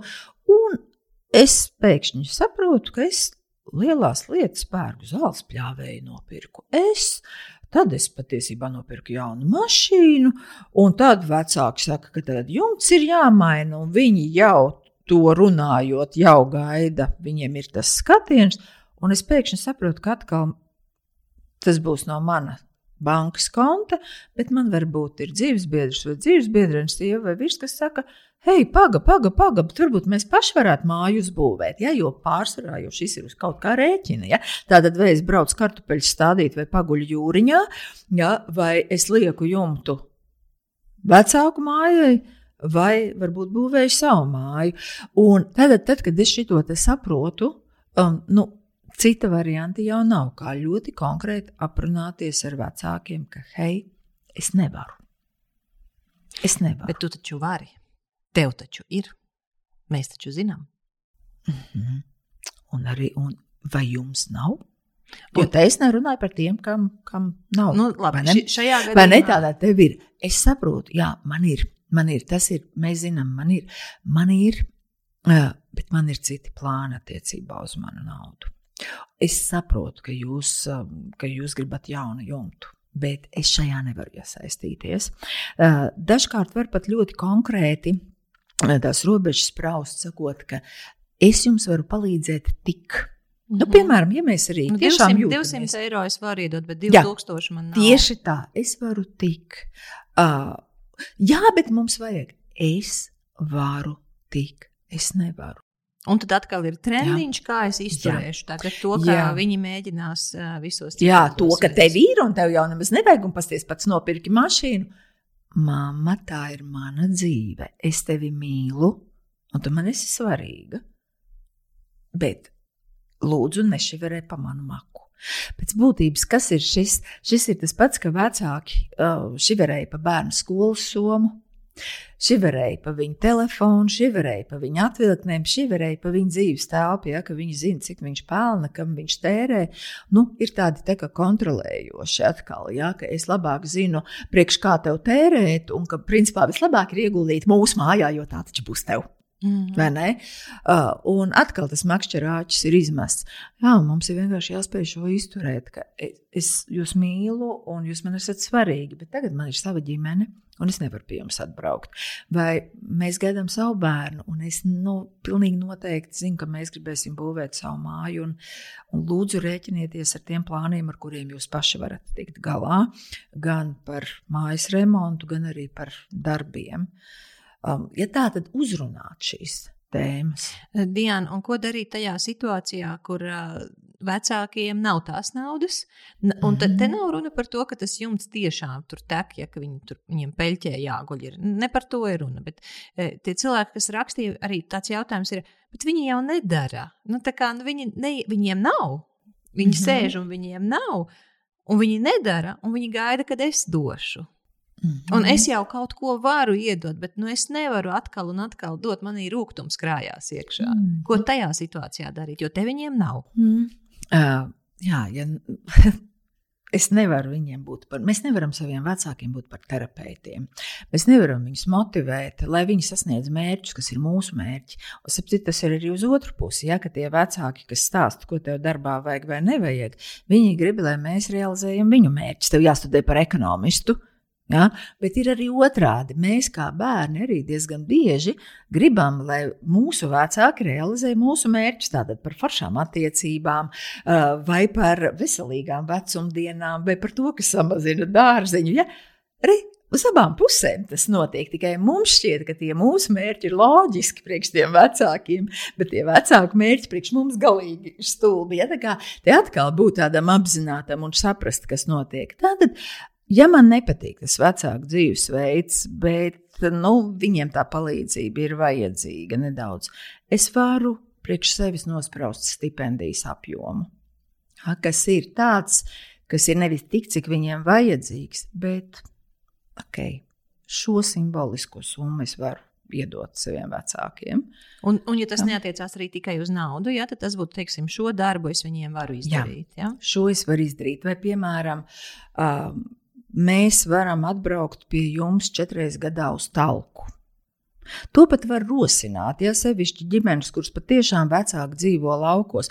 Mēs dzīvojam laukos. Ja? Uh, mēs arī šo te mēģinām ieviest, ka tā tad uh, ģimene sabrauc kopā, nu nesabrauc jau nekad, ja? bet, ka, piemēram, ir pavasarī un rudenī pa talkai. Optimālais man šķiet, ka būtu forši tādā lielā uh, nu, lauku vidē, priekš mums, ka tas būtu reizi sezonā, vienreiz ziemā, vienreiz pavasarī, vienreiz rudenī, vienreiz vasarā. Un tā ir tālka arī ar, ar, ar zupas katlu un ar rosolu, respektīvi, ka tā ir arī kopā sanākšana. Ja? Tas ir tas darbs arī, bet ir ka te ir tas izdevīgums, ja? un arī saprast, ka nevienmēr tas izdosies. Nu, mums sanāk tā, divreiz gadā. Te tu esi tas vecāks, ja, pie kura jābrauc jā, uz nodevām. jā, jā, un es kā vecāks, protams, oh, un es vēl kā terapeite, nu es taču sevī šito pieķeru, nu jā, nu viņi varēja atbraukt, un tā varēja to izdarīt, un to un to, nu, bet, protams, vai ne darbs dzen darbu laukos. Un tad es, ok, jā, un, un izturēt, ka nē, mēs šodien nekādu darbu nedarīsim, jā, nu nebūs, tagad mēs vienkārši sēžam un tralinām. Un tas, kas ir tas interesantais, ja tie bērni atbrauc un mums ir tā tralināšana, tas vienkārši bez šiem darbiem, mammai mirdz acis, ja, kad jūs iesiet malku kraut, ka tad arī tie pieaugušie bērni daudz labprātāk palīdz kaut ko. Ja? Vai arī tātad, teiksim, tas var būt talkas, un tas var būt no abām pusēm atrunāts. Ja? Tātad arī šiem vecākiem, vecākajai paudzei, ka viņi lūdz ļoti konkrētas lietas, ka mums vajag, piemēram, nu, klasika laukos, malkas talka, ja? ka mēs varētu to saorganizēt, mēs paši to netiekam galā. Kad jūs varat, kā jūs varat. Ja? Nu, mums būs zupa, rasals, teiksim. Ja? Tas ir viens. Vai otrs, kā arī šī vidējā paudze, ja vai nu, bērni, jaunie, ka viņi saka, klau, mēs nevaram atbraukt reizi mēnesī. Biežāk jau ir pārsvarā tā runa par reizi nedēļā, vai ne? Uh, Bet mēs um, varam piedāvāt, ka mēs atbrauktu, teiksim, nu, reizi divos mēnešos, un tad mēs paliktu pa nakti un vienu dienu kārtīgi nostrādātu, un otru dienu padzīvotos. Tas ir tas, ko mēs varam.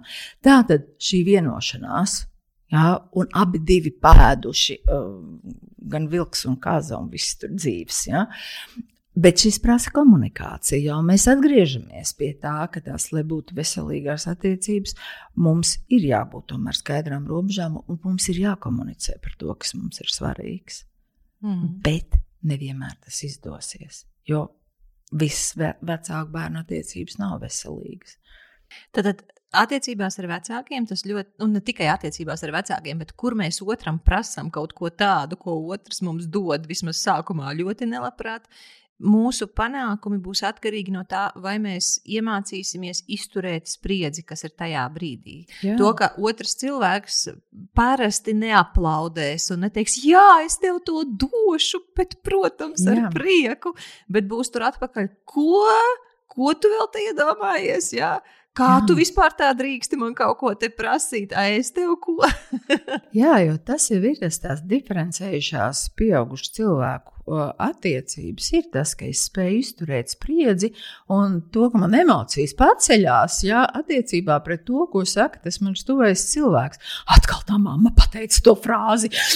Jā, un viss, jā, un patiesībā es esmu tieši tāds pats, kā tā mamma, tā vietā, lai es, oh, mm, jā, man mamma, man mamma pateica to frāzi, man ir drusku nepatīkami, bet es spēju to izturēt. Jā, un mana mamma spēja savukārt izturēt to frāzi, ko es pasaku, ka mēs spējam izturēt spriedzi, kas ir manī. Jā. Diana, vēl viena tāda situācija, par to gan neviens nerakstīja, bet es ar to esmu mm -hmm. saskārusies individuālās sarunās ar cilvēkiem, ka kaut kur parādās dažkārt kauns par saviem vecākiem. Mm. E, piemēram, nu, es esmu dzirdējis, teiksim, nu, sliktā fiziskā forma. Teiksim, īpaši, ja vecāks ir teiksim, ļoti korpulents un, piemēram, cilvēks strādā par diētas ārstu, ja, un viņa vecāki ir mm. ļoti ar lielu lieko svaru. Vai arī ļoti daudz ir kauna, kad nu, viņi, nu, viņi dzer Jā, jeb arī nu, kā viņi tur dzīvo, jeb kaut kādas viņu izvēles, jeb kauns par to, ka viņiem ir pretēji pārliecība, kā vispār par kaut ko tādu var balsot, piemēram. Jā. Un, un it kā jau tie vecāki pat nav slikti. Šis nav tas gadījums, kurš, nezinu, viņš būtu kādu nomušījis un, un, un tāpēc, ka sabiedrībai nelabvēlīgs cilvēks ir. Vienkārši nu, es mīlu tos savus vecākus, bet man tomēr ir kauns. Un, ja mēs paskatāmies dziļāk, tad tas ir saistīts ar ko tāpēc citi padomās par mani, ka man ir tādi vecāki. Mm. Kādi tev šeit ieteikumi?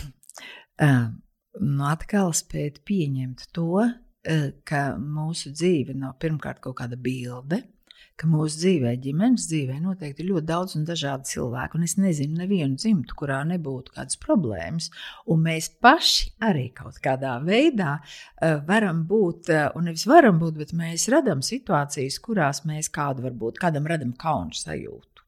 Ja? Mēs paši par, parasti par to pat neiedomājamies ka mans bērns, piemēram, šajā brīdī jūtas neērti manu darbību dēļ, jo man tā darbība šķiet normāla, bet mm -hmm. viņam nē. Ja? Mm -hmm. Vai par dzīvesveidu. Ja, protams, šeit ir nu, klasiski, ja ir tad, kad ir atkarības vai ir kādas nu, sociāli ļoti trakas situācijas vai, vai psihiatrija. Ja? Nu, nu, šīs ļoti grūti kontrolējamās situācijas. Tātad atkal, vai mēs spējam diferencēties un saprast, ka jā, Tie ir manas mammas vai man tēva lēmumi. Tā ir viņa dzīve, un es varu nepiekrist šiem lēmumiem, bet tie ir viņu lēmumi, un Man tie ir jāpieņem. Tieši tāpat kā visticamāk, mēs ļoti gribēsim, lai mūsu bērni respektē un pieņem mūsu lēmumus, kas varbūt viņiem arī nešķiet saprātīgi un nešķitīs saprātīgi. Pilnīgi noteikti mēs tur būsim. Šis atkārtojas, vai ne?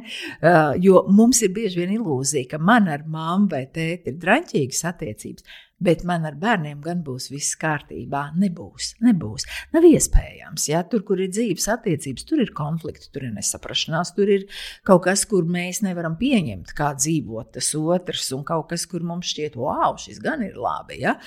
Un mm, jā, ka tā kā uh, spēt izturēt to, ka varbūt tiešām manā mamma ir, es esmu uzturs speciālists un manā mamma ir ļoti dušīga.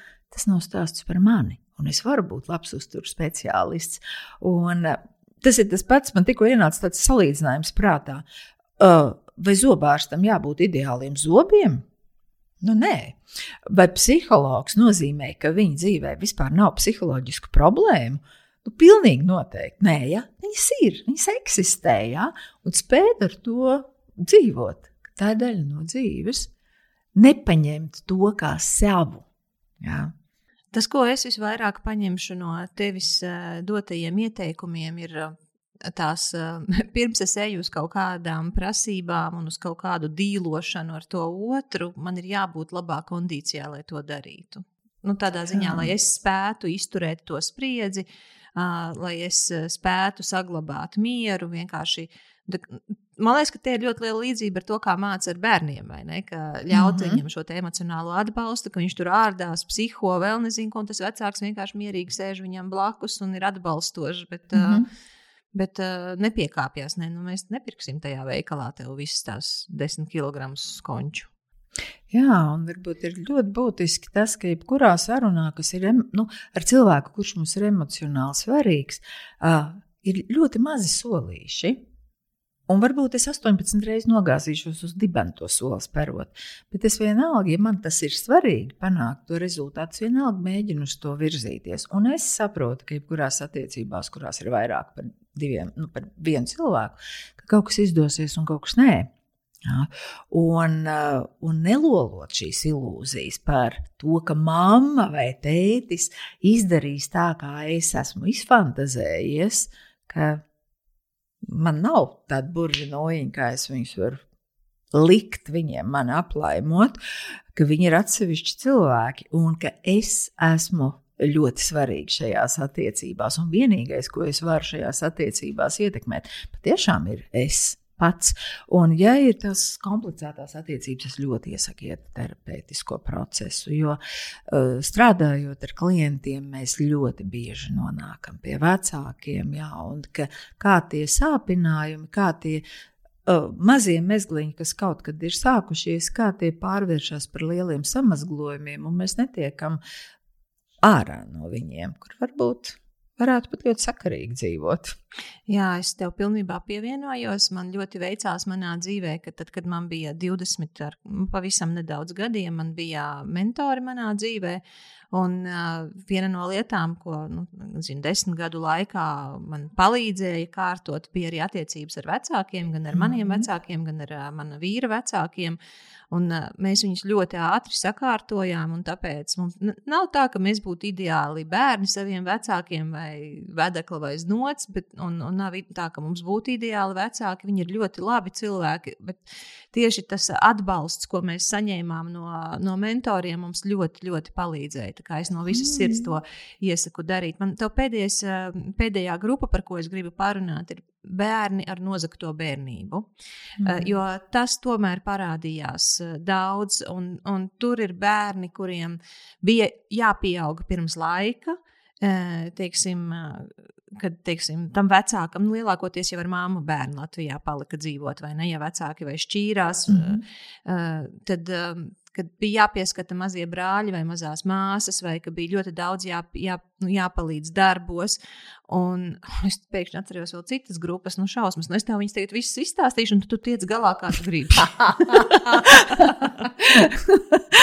jā, es pie tās nozaga, tās bērnības uzreiz vēl jā. iedomājos arī pie tā, ko varētu šeit likt klāt, tad, kad bērns kļuva par mammu savai mammai. Tieši to, jā, tieši to jā, es arī jā. atcerējos, jā, mm -hmm. kad cilvēks saka, ka nevis man ir mamma, bet man ir jābūt savai mammai. Un man taču pašai vēl vajag to mammu. Un, mm -hmm. un, un te arī bija tas, man liekas, tā bija 18-gadīga meitene, kas mums šo te uzrakstīja par to mm -hmm. savu situāciju. Nu, es teikšu, godīgi, man sirds asiņo. Man, Un, un tas mhm. bērns saka, jūs tikai nepārprotiet, es mīlu savu mammu, bet man ir tik grūti, ka mamma no manis prasa to un šo, lai es tur tiem saviem mazajiem brāļiem, māsām tur, mm. tur izdaru. Un, un es, redzu, es redzu, manai mammai ir grūti, mums ir grūti ar naudu, viņa netiek, viņa netiek galā, un es saprotu, un es jau cenšos, bet man arī vajag mammu, un es, un es nevaru viņu apgrūtināt, un ja es viņai arī kaut ko prasu, viņa nevar noreaģēt. Mm -hmm. Dažādu iemeslu dēļ mm, bērni ir bijuši spiesti pieaugt neatbilstoši chronoloģiskajam vecumam. Un tas notiek ik reiz, kad bērnam tiek uzkrauts vai nu fiziskas atbildības, vai emocionālas atbildības, vai dažkārt pat materiālas atbildības par ģimeni, tajā laikā, kad viņam par viņu vajadzētu būt šai fiziskai atbildībai no vecākiem, materiālajai atbildībai, emocionālajai atbildībai. Ja? Un te ir tas, ka mēs, ja mēs domājam par tādu laika garu, tad, protams, šobrīd bērni daudz ilgāk var būt bērni saviem vecākiem. Mēs viņus atbalstam ilgāk nekā tas varbūt bija pirms 150 gadiem, kad, nu, kad pat tiešām vecākie bērni audzināja jaunākos un, un, un, un no rokas mutē dzīvojot. Ļu, tās bija arī tādas liels vecāku cerības, ka tie bērni ātri izlidos, aizlidos un, un atbrīvos to telpu jaunākajiem. Nu jā, tātad šī nav izvēle nekādā veidā, ko bērns gribējis. Ne? Un uh, bieži vien tas ir, protams, biežāk tas ir tur, kur ir trūcīgi apstākļi, biežāk tas ir tur, kur ir vairāk bērnu, nu, tas arī ir saprotams, bet tas var būt arī tur, kur, piemēram, ir mamma vai tēvs līdzatkarīgi, kur kāds no vecākiem, piemēram, dzer Vai un tad, varbūt un slims. Ir, un, un, un otrs tam bērnam stāsta, rekā, nu, tas, kurš tur dzer, ja, nu, parasti tās ir mammas, kas par -hmm. tētiem stāsta, ja, rekā viņš man dara pāri, rekā. Un, un tad jā, jā, jā. bērniņi nu, pasaki, ko man darīt. Un, un, Jā. un tā slogu uzliek gan meitai, gan dēlam. Jā, un vēl viņu tajā augšanas procesā, uh, nu, tā kā tu jau redzi, cik man ir grūti, un tev ir par mani jāpadomā, nu, tā tad ļoti, ļoti manipulē ar to, ka Tev ir jādomā par to, kā es jūtos. Un bērns šito iemācās, un viņam var būt 18, un 30 un 50 gadi, un ka viņš īstenībā no tā netiek vaļā. Viņš gribētu dabūt no mammas vai tēta to siltumu, nu, to mammu, ja, bet viņš to nekad īsti nav dabūjis.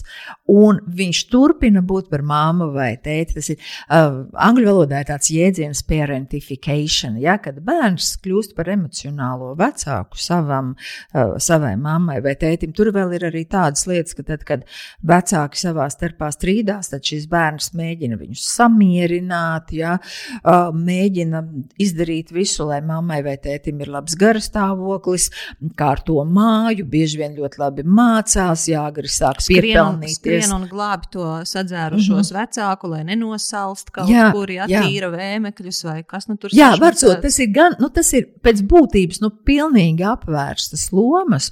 Un, protams, ka ja, tur, kur ir teiksim, tā atkarība, bieži vien, nu, pieņemsim, nu, klasiski, ja, ka tomēr tētis dzer un māma ir tā līdzatkarīgā, kas vispār viņai nav nekāda resursa, ne emocionāli, ne fizisku parūpēties par tiem bērniem, viņa, viņa mm, arī pierod pie šī atbalsta, jo kaut kur viņai tas atbalsts ir vajadzīgs. Un viņi to turpina sagaidīt vēlākā vecumā, kad jau varbūt tas partneris ir miris, piemēram, un viņa patiesībā var pati bet tā sistēma turpina strādāt. Ja te ir tas, ka tas, kas ir iedibināts, viņu ļoti, ļoti grūti mainīt. Mm. Ja, jo mēs vienkārši, nu, mēs zinām, ka 11. novembrī mēs ejam, liekam svecītes. Um, Daugamalā. Un kāpēc mēs pēkšņi to darītu? Es nezinu, 14. Jūlijā. Nezinu, jūlijā ja, vai vēl kaut kādā. Ja, ka tas, ka mums ir iegājies, ja mums ir jebkas tradīcijas, līgo vakars ir 23. Ja, un tad mēs darām to un to un to. Ja, un ja mums pēkšņi liktu, ka līgo vakarā 8. Ir, aprīlī. Jā, jā mums, mums tas būtu pilnīgi nepieņemami. Ja tā, tad nu, tie tad ir kā ļoti primitīvi piemēri, bet mēs ļoti, ļoti pierodam pie lietām, kā skājā Ziemassvētkos cep piparkūks un Jāņu sieru Jāņos. Jā. Nevis otrādi. ne, un tātad līdzīgi ir, ka šie vecāki ir pieraduši pie tā, un bērni arī ir pieraduši pie tā. Un tas grūtais jautājums ir, kurā brīdī teikt nē. Es, es tagad vairs tā nē. Un tas, ko arī šīs vēstules autora raksta, es mīlu savu māmu. Tā tad tās attiecības, kurās cilvēki mīl, tās ir vieglas. Ne? Tā mīlestība var būt ļoti grūta vienkārši. Viņa mīl, un viņai tas ir grūti. Un, sapcīt, arī ļoti funkcionējošās attiecībās mīlestība ir grūts pasākums, jo mēs taču viens otru ciest nevaram šad un tad, vai ne? Tikai mēs to apzināmies un ar to kaut ko darām, jā, vai dažreiz mums ir uh, pretējas vajadzības, mēs esam spiesti to pieņemt, vai kāds no maniem bērniem pieaugšiem man patīk labāk. Un tad, ja šis cilvēkbērns ir pieradis šādi dzīvot, kur ir risks ļoti iespējams, ka viņš arī savā partnerattiecībās piemeklēs vēl kādu, par ko gādāt. Ja? Ļoti bieži, protams, tās ir arī profesijas izvēles, ja, kurās viņš prot to. Tas ir tas, ko viņš prot. Un tagad man ir jautājums, pilnīgi loģisks. Kāpēc lai pēkšņi tas mainītos attiecībā ar vecākiem? Vai ne? Ja viņš ir visu laiku rūpējies un gādājis par mammu, vai par kādu no brāļiem, māsām, vai par visiem, ja? nav pamata to mainīt, kamēr cilvēks pats neaptver, ka hei, šis te nav īsti riktīgi. Ja? Tad bērnībā tam cilvēkam nebija iespējas izvēlēties par savu jā. pāragro pieaugšanu un par savu atteikšanu. Nu, tā, viņam nav jā. iespējas izbaudīt to savu bērnību, bet tas nenozīmē, ka tas ir jāturpina tagad. Un jā. kad ir jāturpina būt par savas mammas uh, emocionālo atbalstu līmenī, kuram cilvēks nav gatavs. Jā, un uh, dažreiz tas mainās tad, kad šis bērns pieaug un varbūt satiek kādu citu cilvēku un veido savas attiecības un saprot, ka varbūt um, tā partnera dzīvē ir, um, tur nav šādas pieredzes. Šī ir auga, oh, vispār attiecības var būt arī šādas. Ja nav nemitīgi viss pēdējais krakls jādod. Dažreiz vienkārši viņš nogurst, dažreiz viņš vienkārši apjēdz, ka tas nav bijis riktīgi, varbūt viņš sāk iet terapijā mm -hmm. un sāk Jā. saprast, ka paga, es patiesībā dzīvoju uh, to modeli, kas nemaz priekš manis nav draudzīgs. Un tad ļoti, ļoti maziem soļiem. Atkal, no jebkuras no šīm pārmaiņām, jebkuras šīs sarunas, no 8 reizes un 38 reizes var teikt, ka tie ir ļoti, ļoti mazi solīši, kuri vispirms ir jāpasaka sev pašam. Nu, tad kas ir tas pirmais solis, ko es varu spērt, lai kāptu ārā no šīm atbildībām, kuras man kādreiz uzkrāpa, bet tagad es vairs negribu nest. Un viena no lietām varbūt ir, ja teiksim, tās attiecības ar to māmu ir tuvas.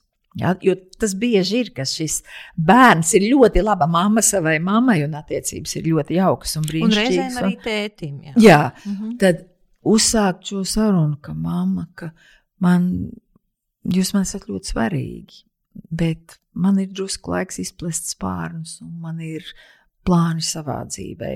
Bieži vien šie cilvēki mēdz kaut kur aizdoties labi tālu prom no vecākiem, jo tas varbūt ir vienīgais veids, kā viņi, nu, tas arī palīdz attaisnot sevi. Ja? Es jau nevaru, man jau mācības ārzemēs, ja? bet varbūt tas patiešām ir viens no soļiem, kas vienkārši aiziet tajā distancē, lai es pierastu, ka es varu rūpēties arī par sevi. Jo te ir jāiemācās rūpēties par sevi, nevis nemitīgi rūpēties par mammu un tēti. Un tas ir šausmīgi grūti, jo es jau nemāku nekā citādi. Tā kā dažreiz, tad, jā, tad, dažreiz tas ir, kad cilvēks aizbrauc prom, dažreiz, viņš runā ar saviem vecākiem. Un patiesībā, ja šajās attiecībās ir tuvība, varētu būt lielāka iespēja, ka tā mamma sadzirdēs. Jā, jo Mhm. viņa nav emocionāli noraidoša. Viņa vienkārši ir pieradusi pie tā, ka nu, tu esi mans avots, no kā es saņemu. Nē, nē.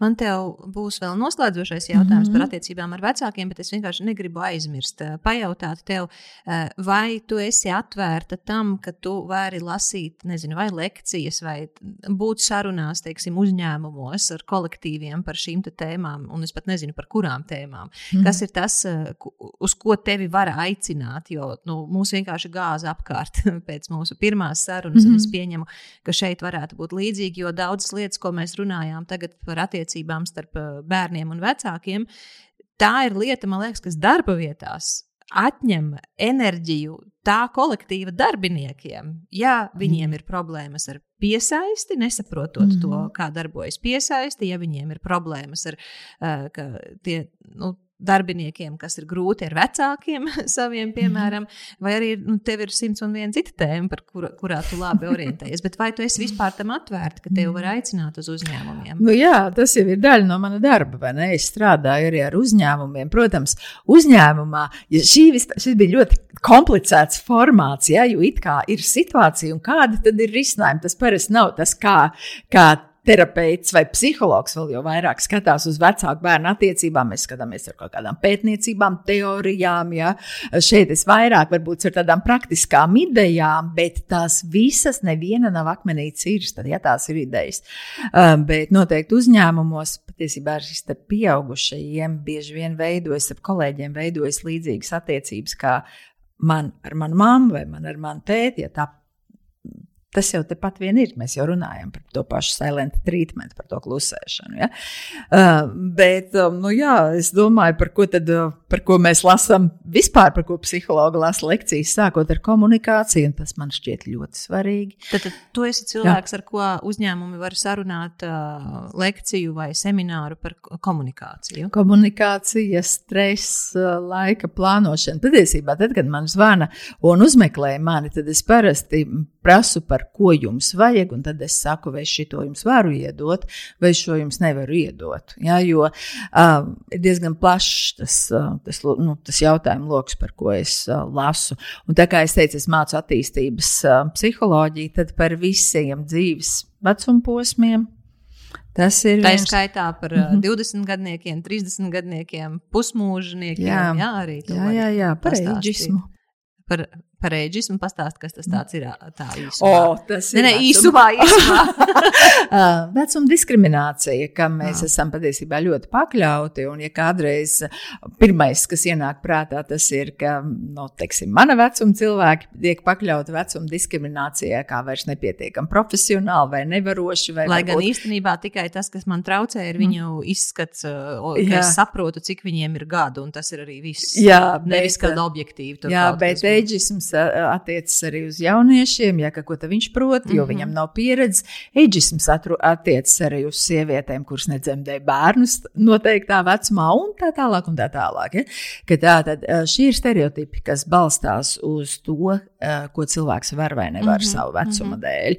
Um, jā, nu, un arī tā kā mācu um, kognitīvu behaviorālo terapeitu studentiem, un esmu arī, arī, arī terapeite, tad ļoti daudz dažādas nodarbības man ir bijušas uzņēmumos par to, kā mūsu paša aplamā domāšana, ja kā mēs ar šo aplamo situācijas novērtēšanu redzam neskaidri, nevaram pieņemt atbilstošus racionālus lēmumus, un otrs, kā mēs atkal un atkal darām vienas un tās pašas vecās darbības, kuras noved pie atkal un atkal pie tiem pašiem rezultātiem. Un, ja mēs domājam par šīs dienas sarunu, ka faktiski tas jau arī ir viena no tām lietām, kas ir tā sistēmiski, ka mūsu, teiksim, iztēlojamies dēls un tēvs, un ka šis dara soli viens, šis atbild ar soli divi. Šis atbild ar soli trīs, un šis atbild ar soli četri. Un piektais solis ir, ka tur ir neizdošanās, un šis visu laiku tiek izspēlēts tas scenārijs. Mm -hmm. Visu laiku viens un tas pats, viens un tas pats, viens un tas pats. Un ka, lai kaut kas mainītos, ir vismaz vienam jāmēģina mainīt. Ja es daru soli viens, es mēģinu nedot pretim soli divi, es dodu drusku citu pieeju. Te būs solis trīs.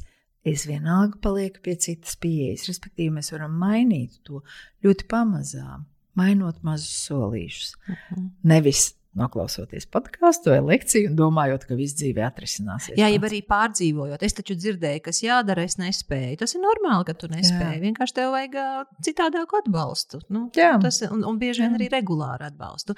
Regulāri. Tieši tā, viss notiek pa maziem solīšiem, Jā. pakāpeniski. Mēs neviens nekļūstam ne attiecībās veikli, un patiesībā neviens vispār savā mūžā nav attiecībās tikai veikls, vai ne? Neviens visu laiku ir laimīgs, neviens visu laiku ir izdošanās fāzē. Jā, dzīvi cilvēki. Bet es uh, vienlaicīgi arī gribu uzslavēt uh, mūsu auditoriju, jo mums tiešām ir arī daudz labu stāstu, kur cilvēki raksta, paldies par šo podkāstu sarunu, jo mm -hmm. pateicoties tam es saņēmos un izdarīju kaut Jā. ko.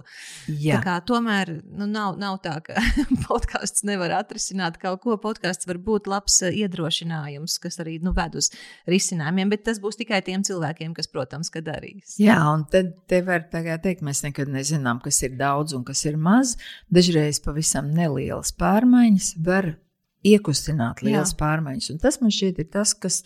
Savukārt, šādi podkāsts var būt nu, jā, ideja, tas, tas bet jādara pašiem. Jā, protams, bez tā mhm. neiztikt. Mm -hmm. Diana, man te būs lūgums, vai tu varētu mums ieteikt cilvēkiem divas, trīs grāmatas, e, kas atvieglotu cilvēka dzīvi. Šis nebūs par uh, pieaugušiem bērniem un vecākiem, kaut gan man ir viena grāmata, bet uh, es viņu īsti, man ir ļoti jādomā, vai es viņu gribu ieteikt. Mhm. -huh. Bet man ir viena grāmata, kas, ko es iesaku praktiski visiem uh, pieaugušo bērnu, nevis pieaugušo bērnu vecākiem. Uh, Un tā ir Ričards Templers bērnu audzināšanas likumi. Tas ir latviešu iztulkojums. Latviešu ja? zvaigznes izdevniecībā. Kāpēc es viņu iesaku?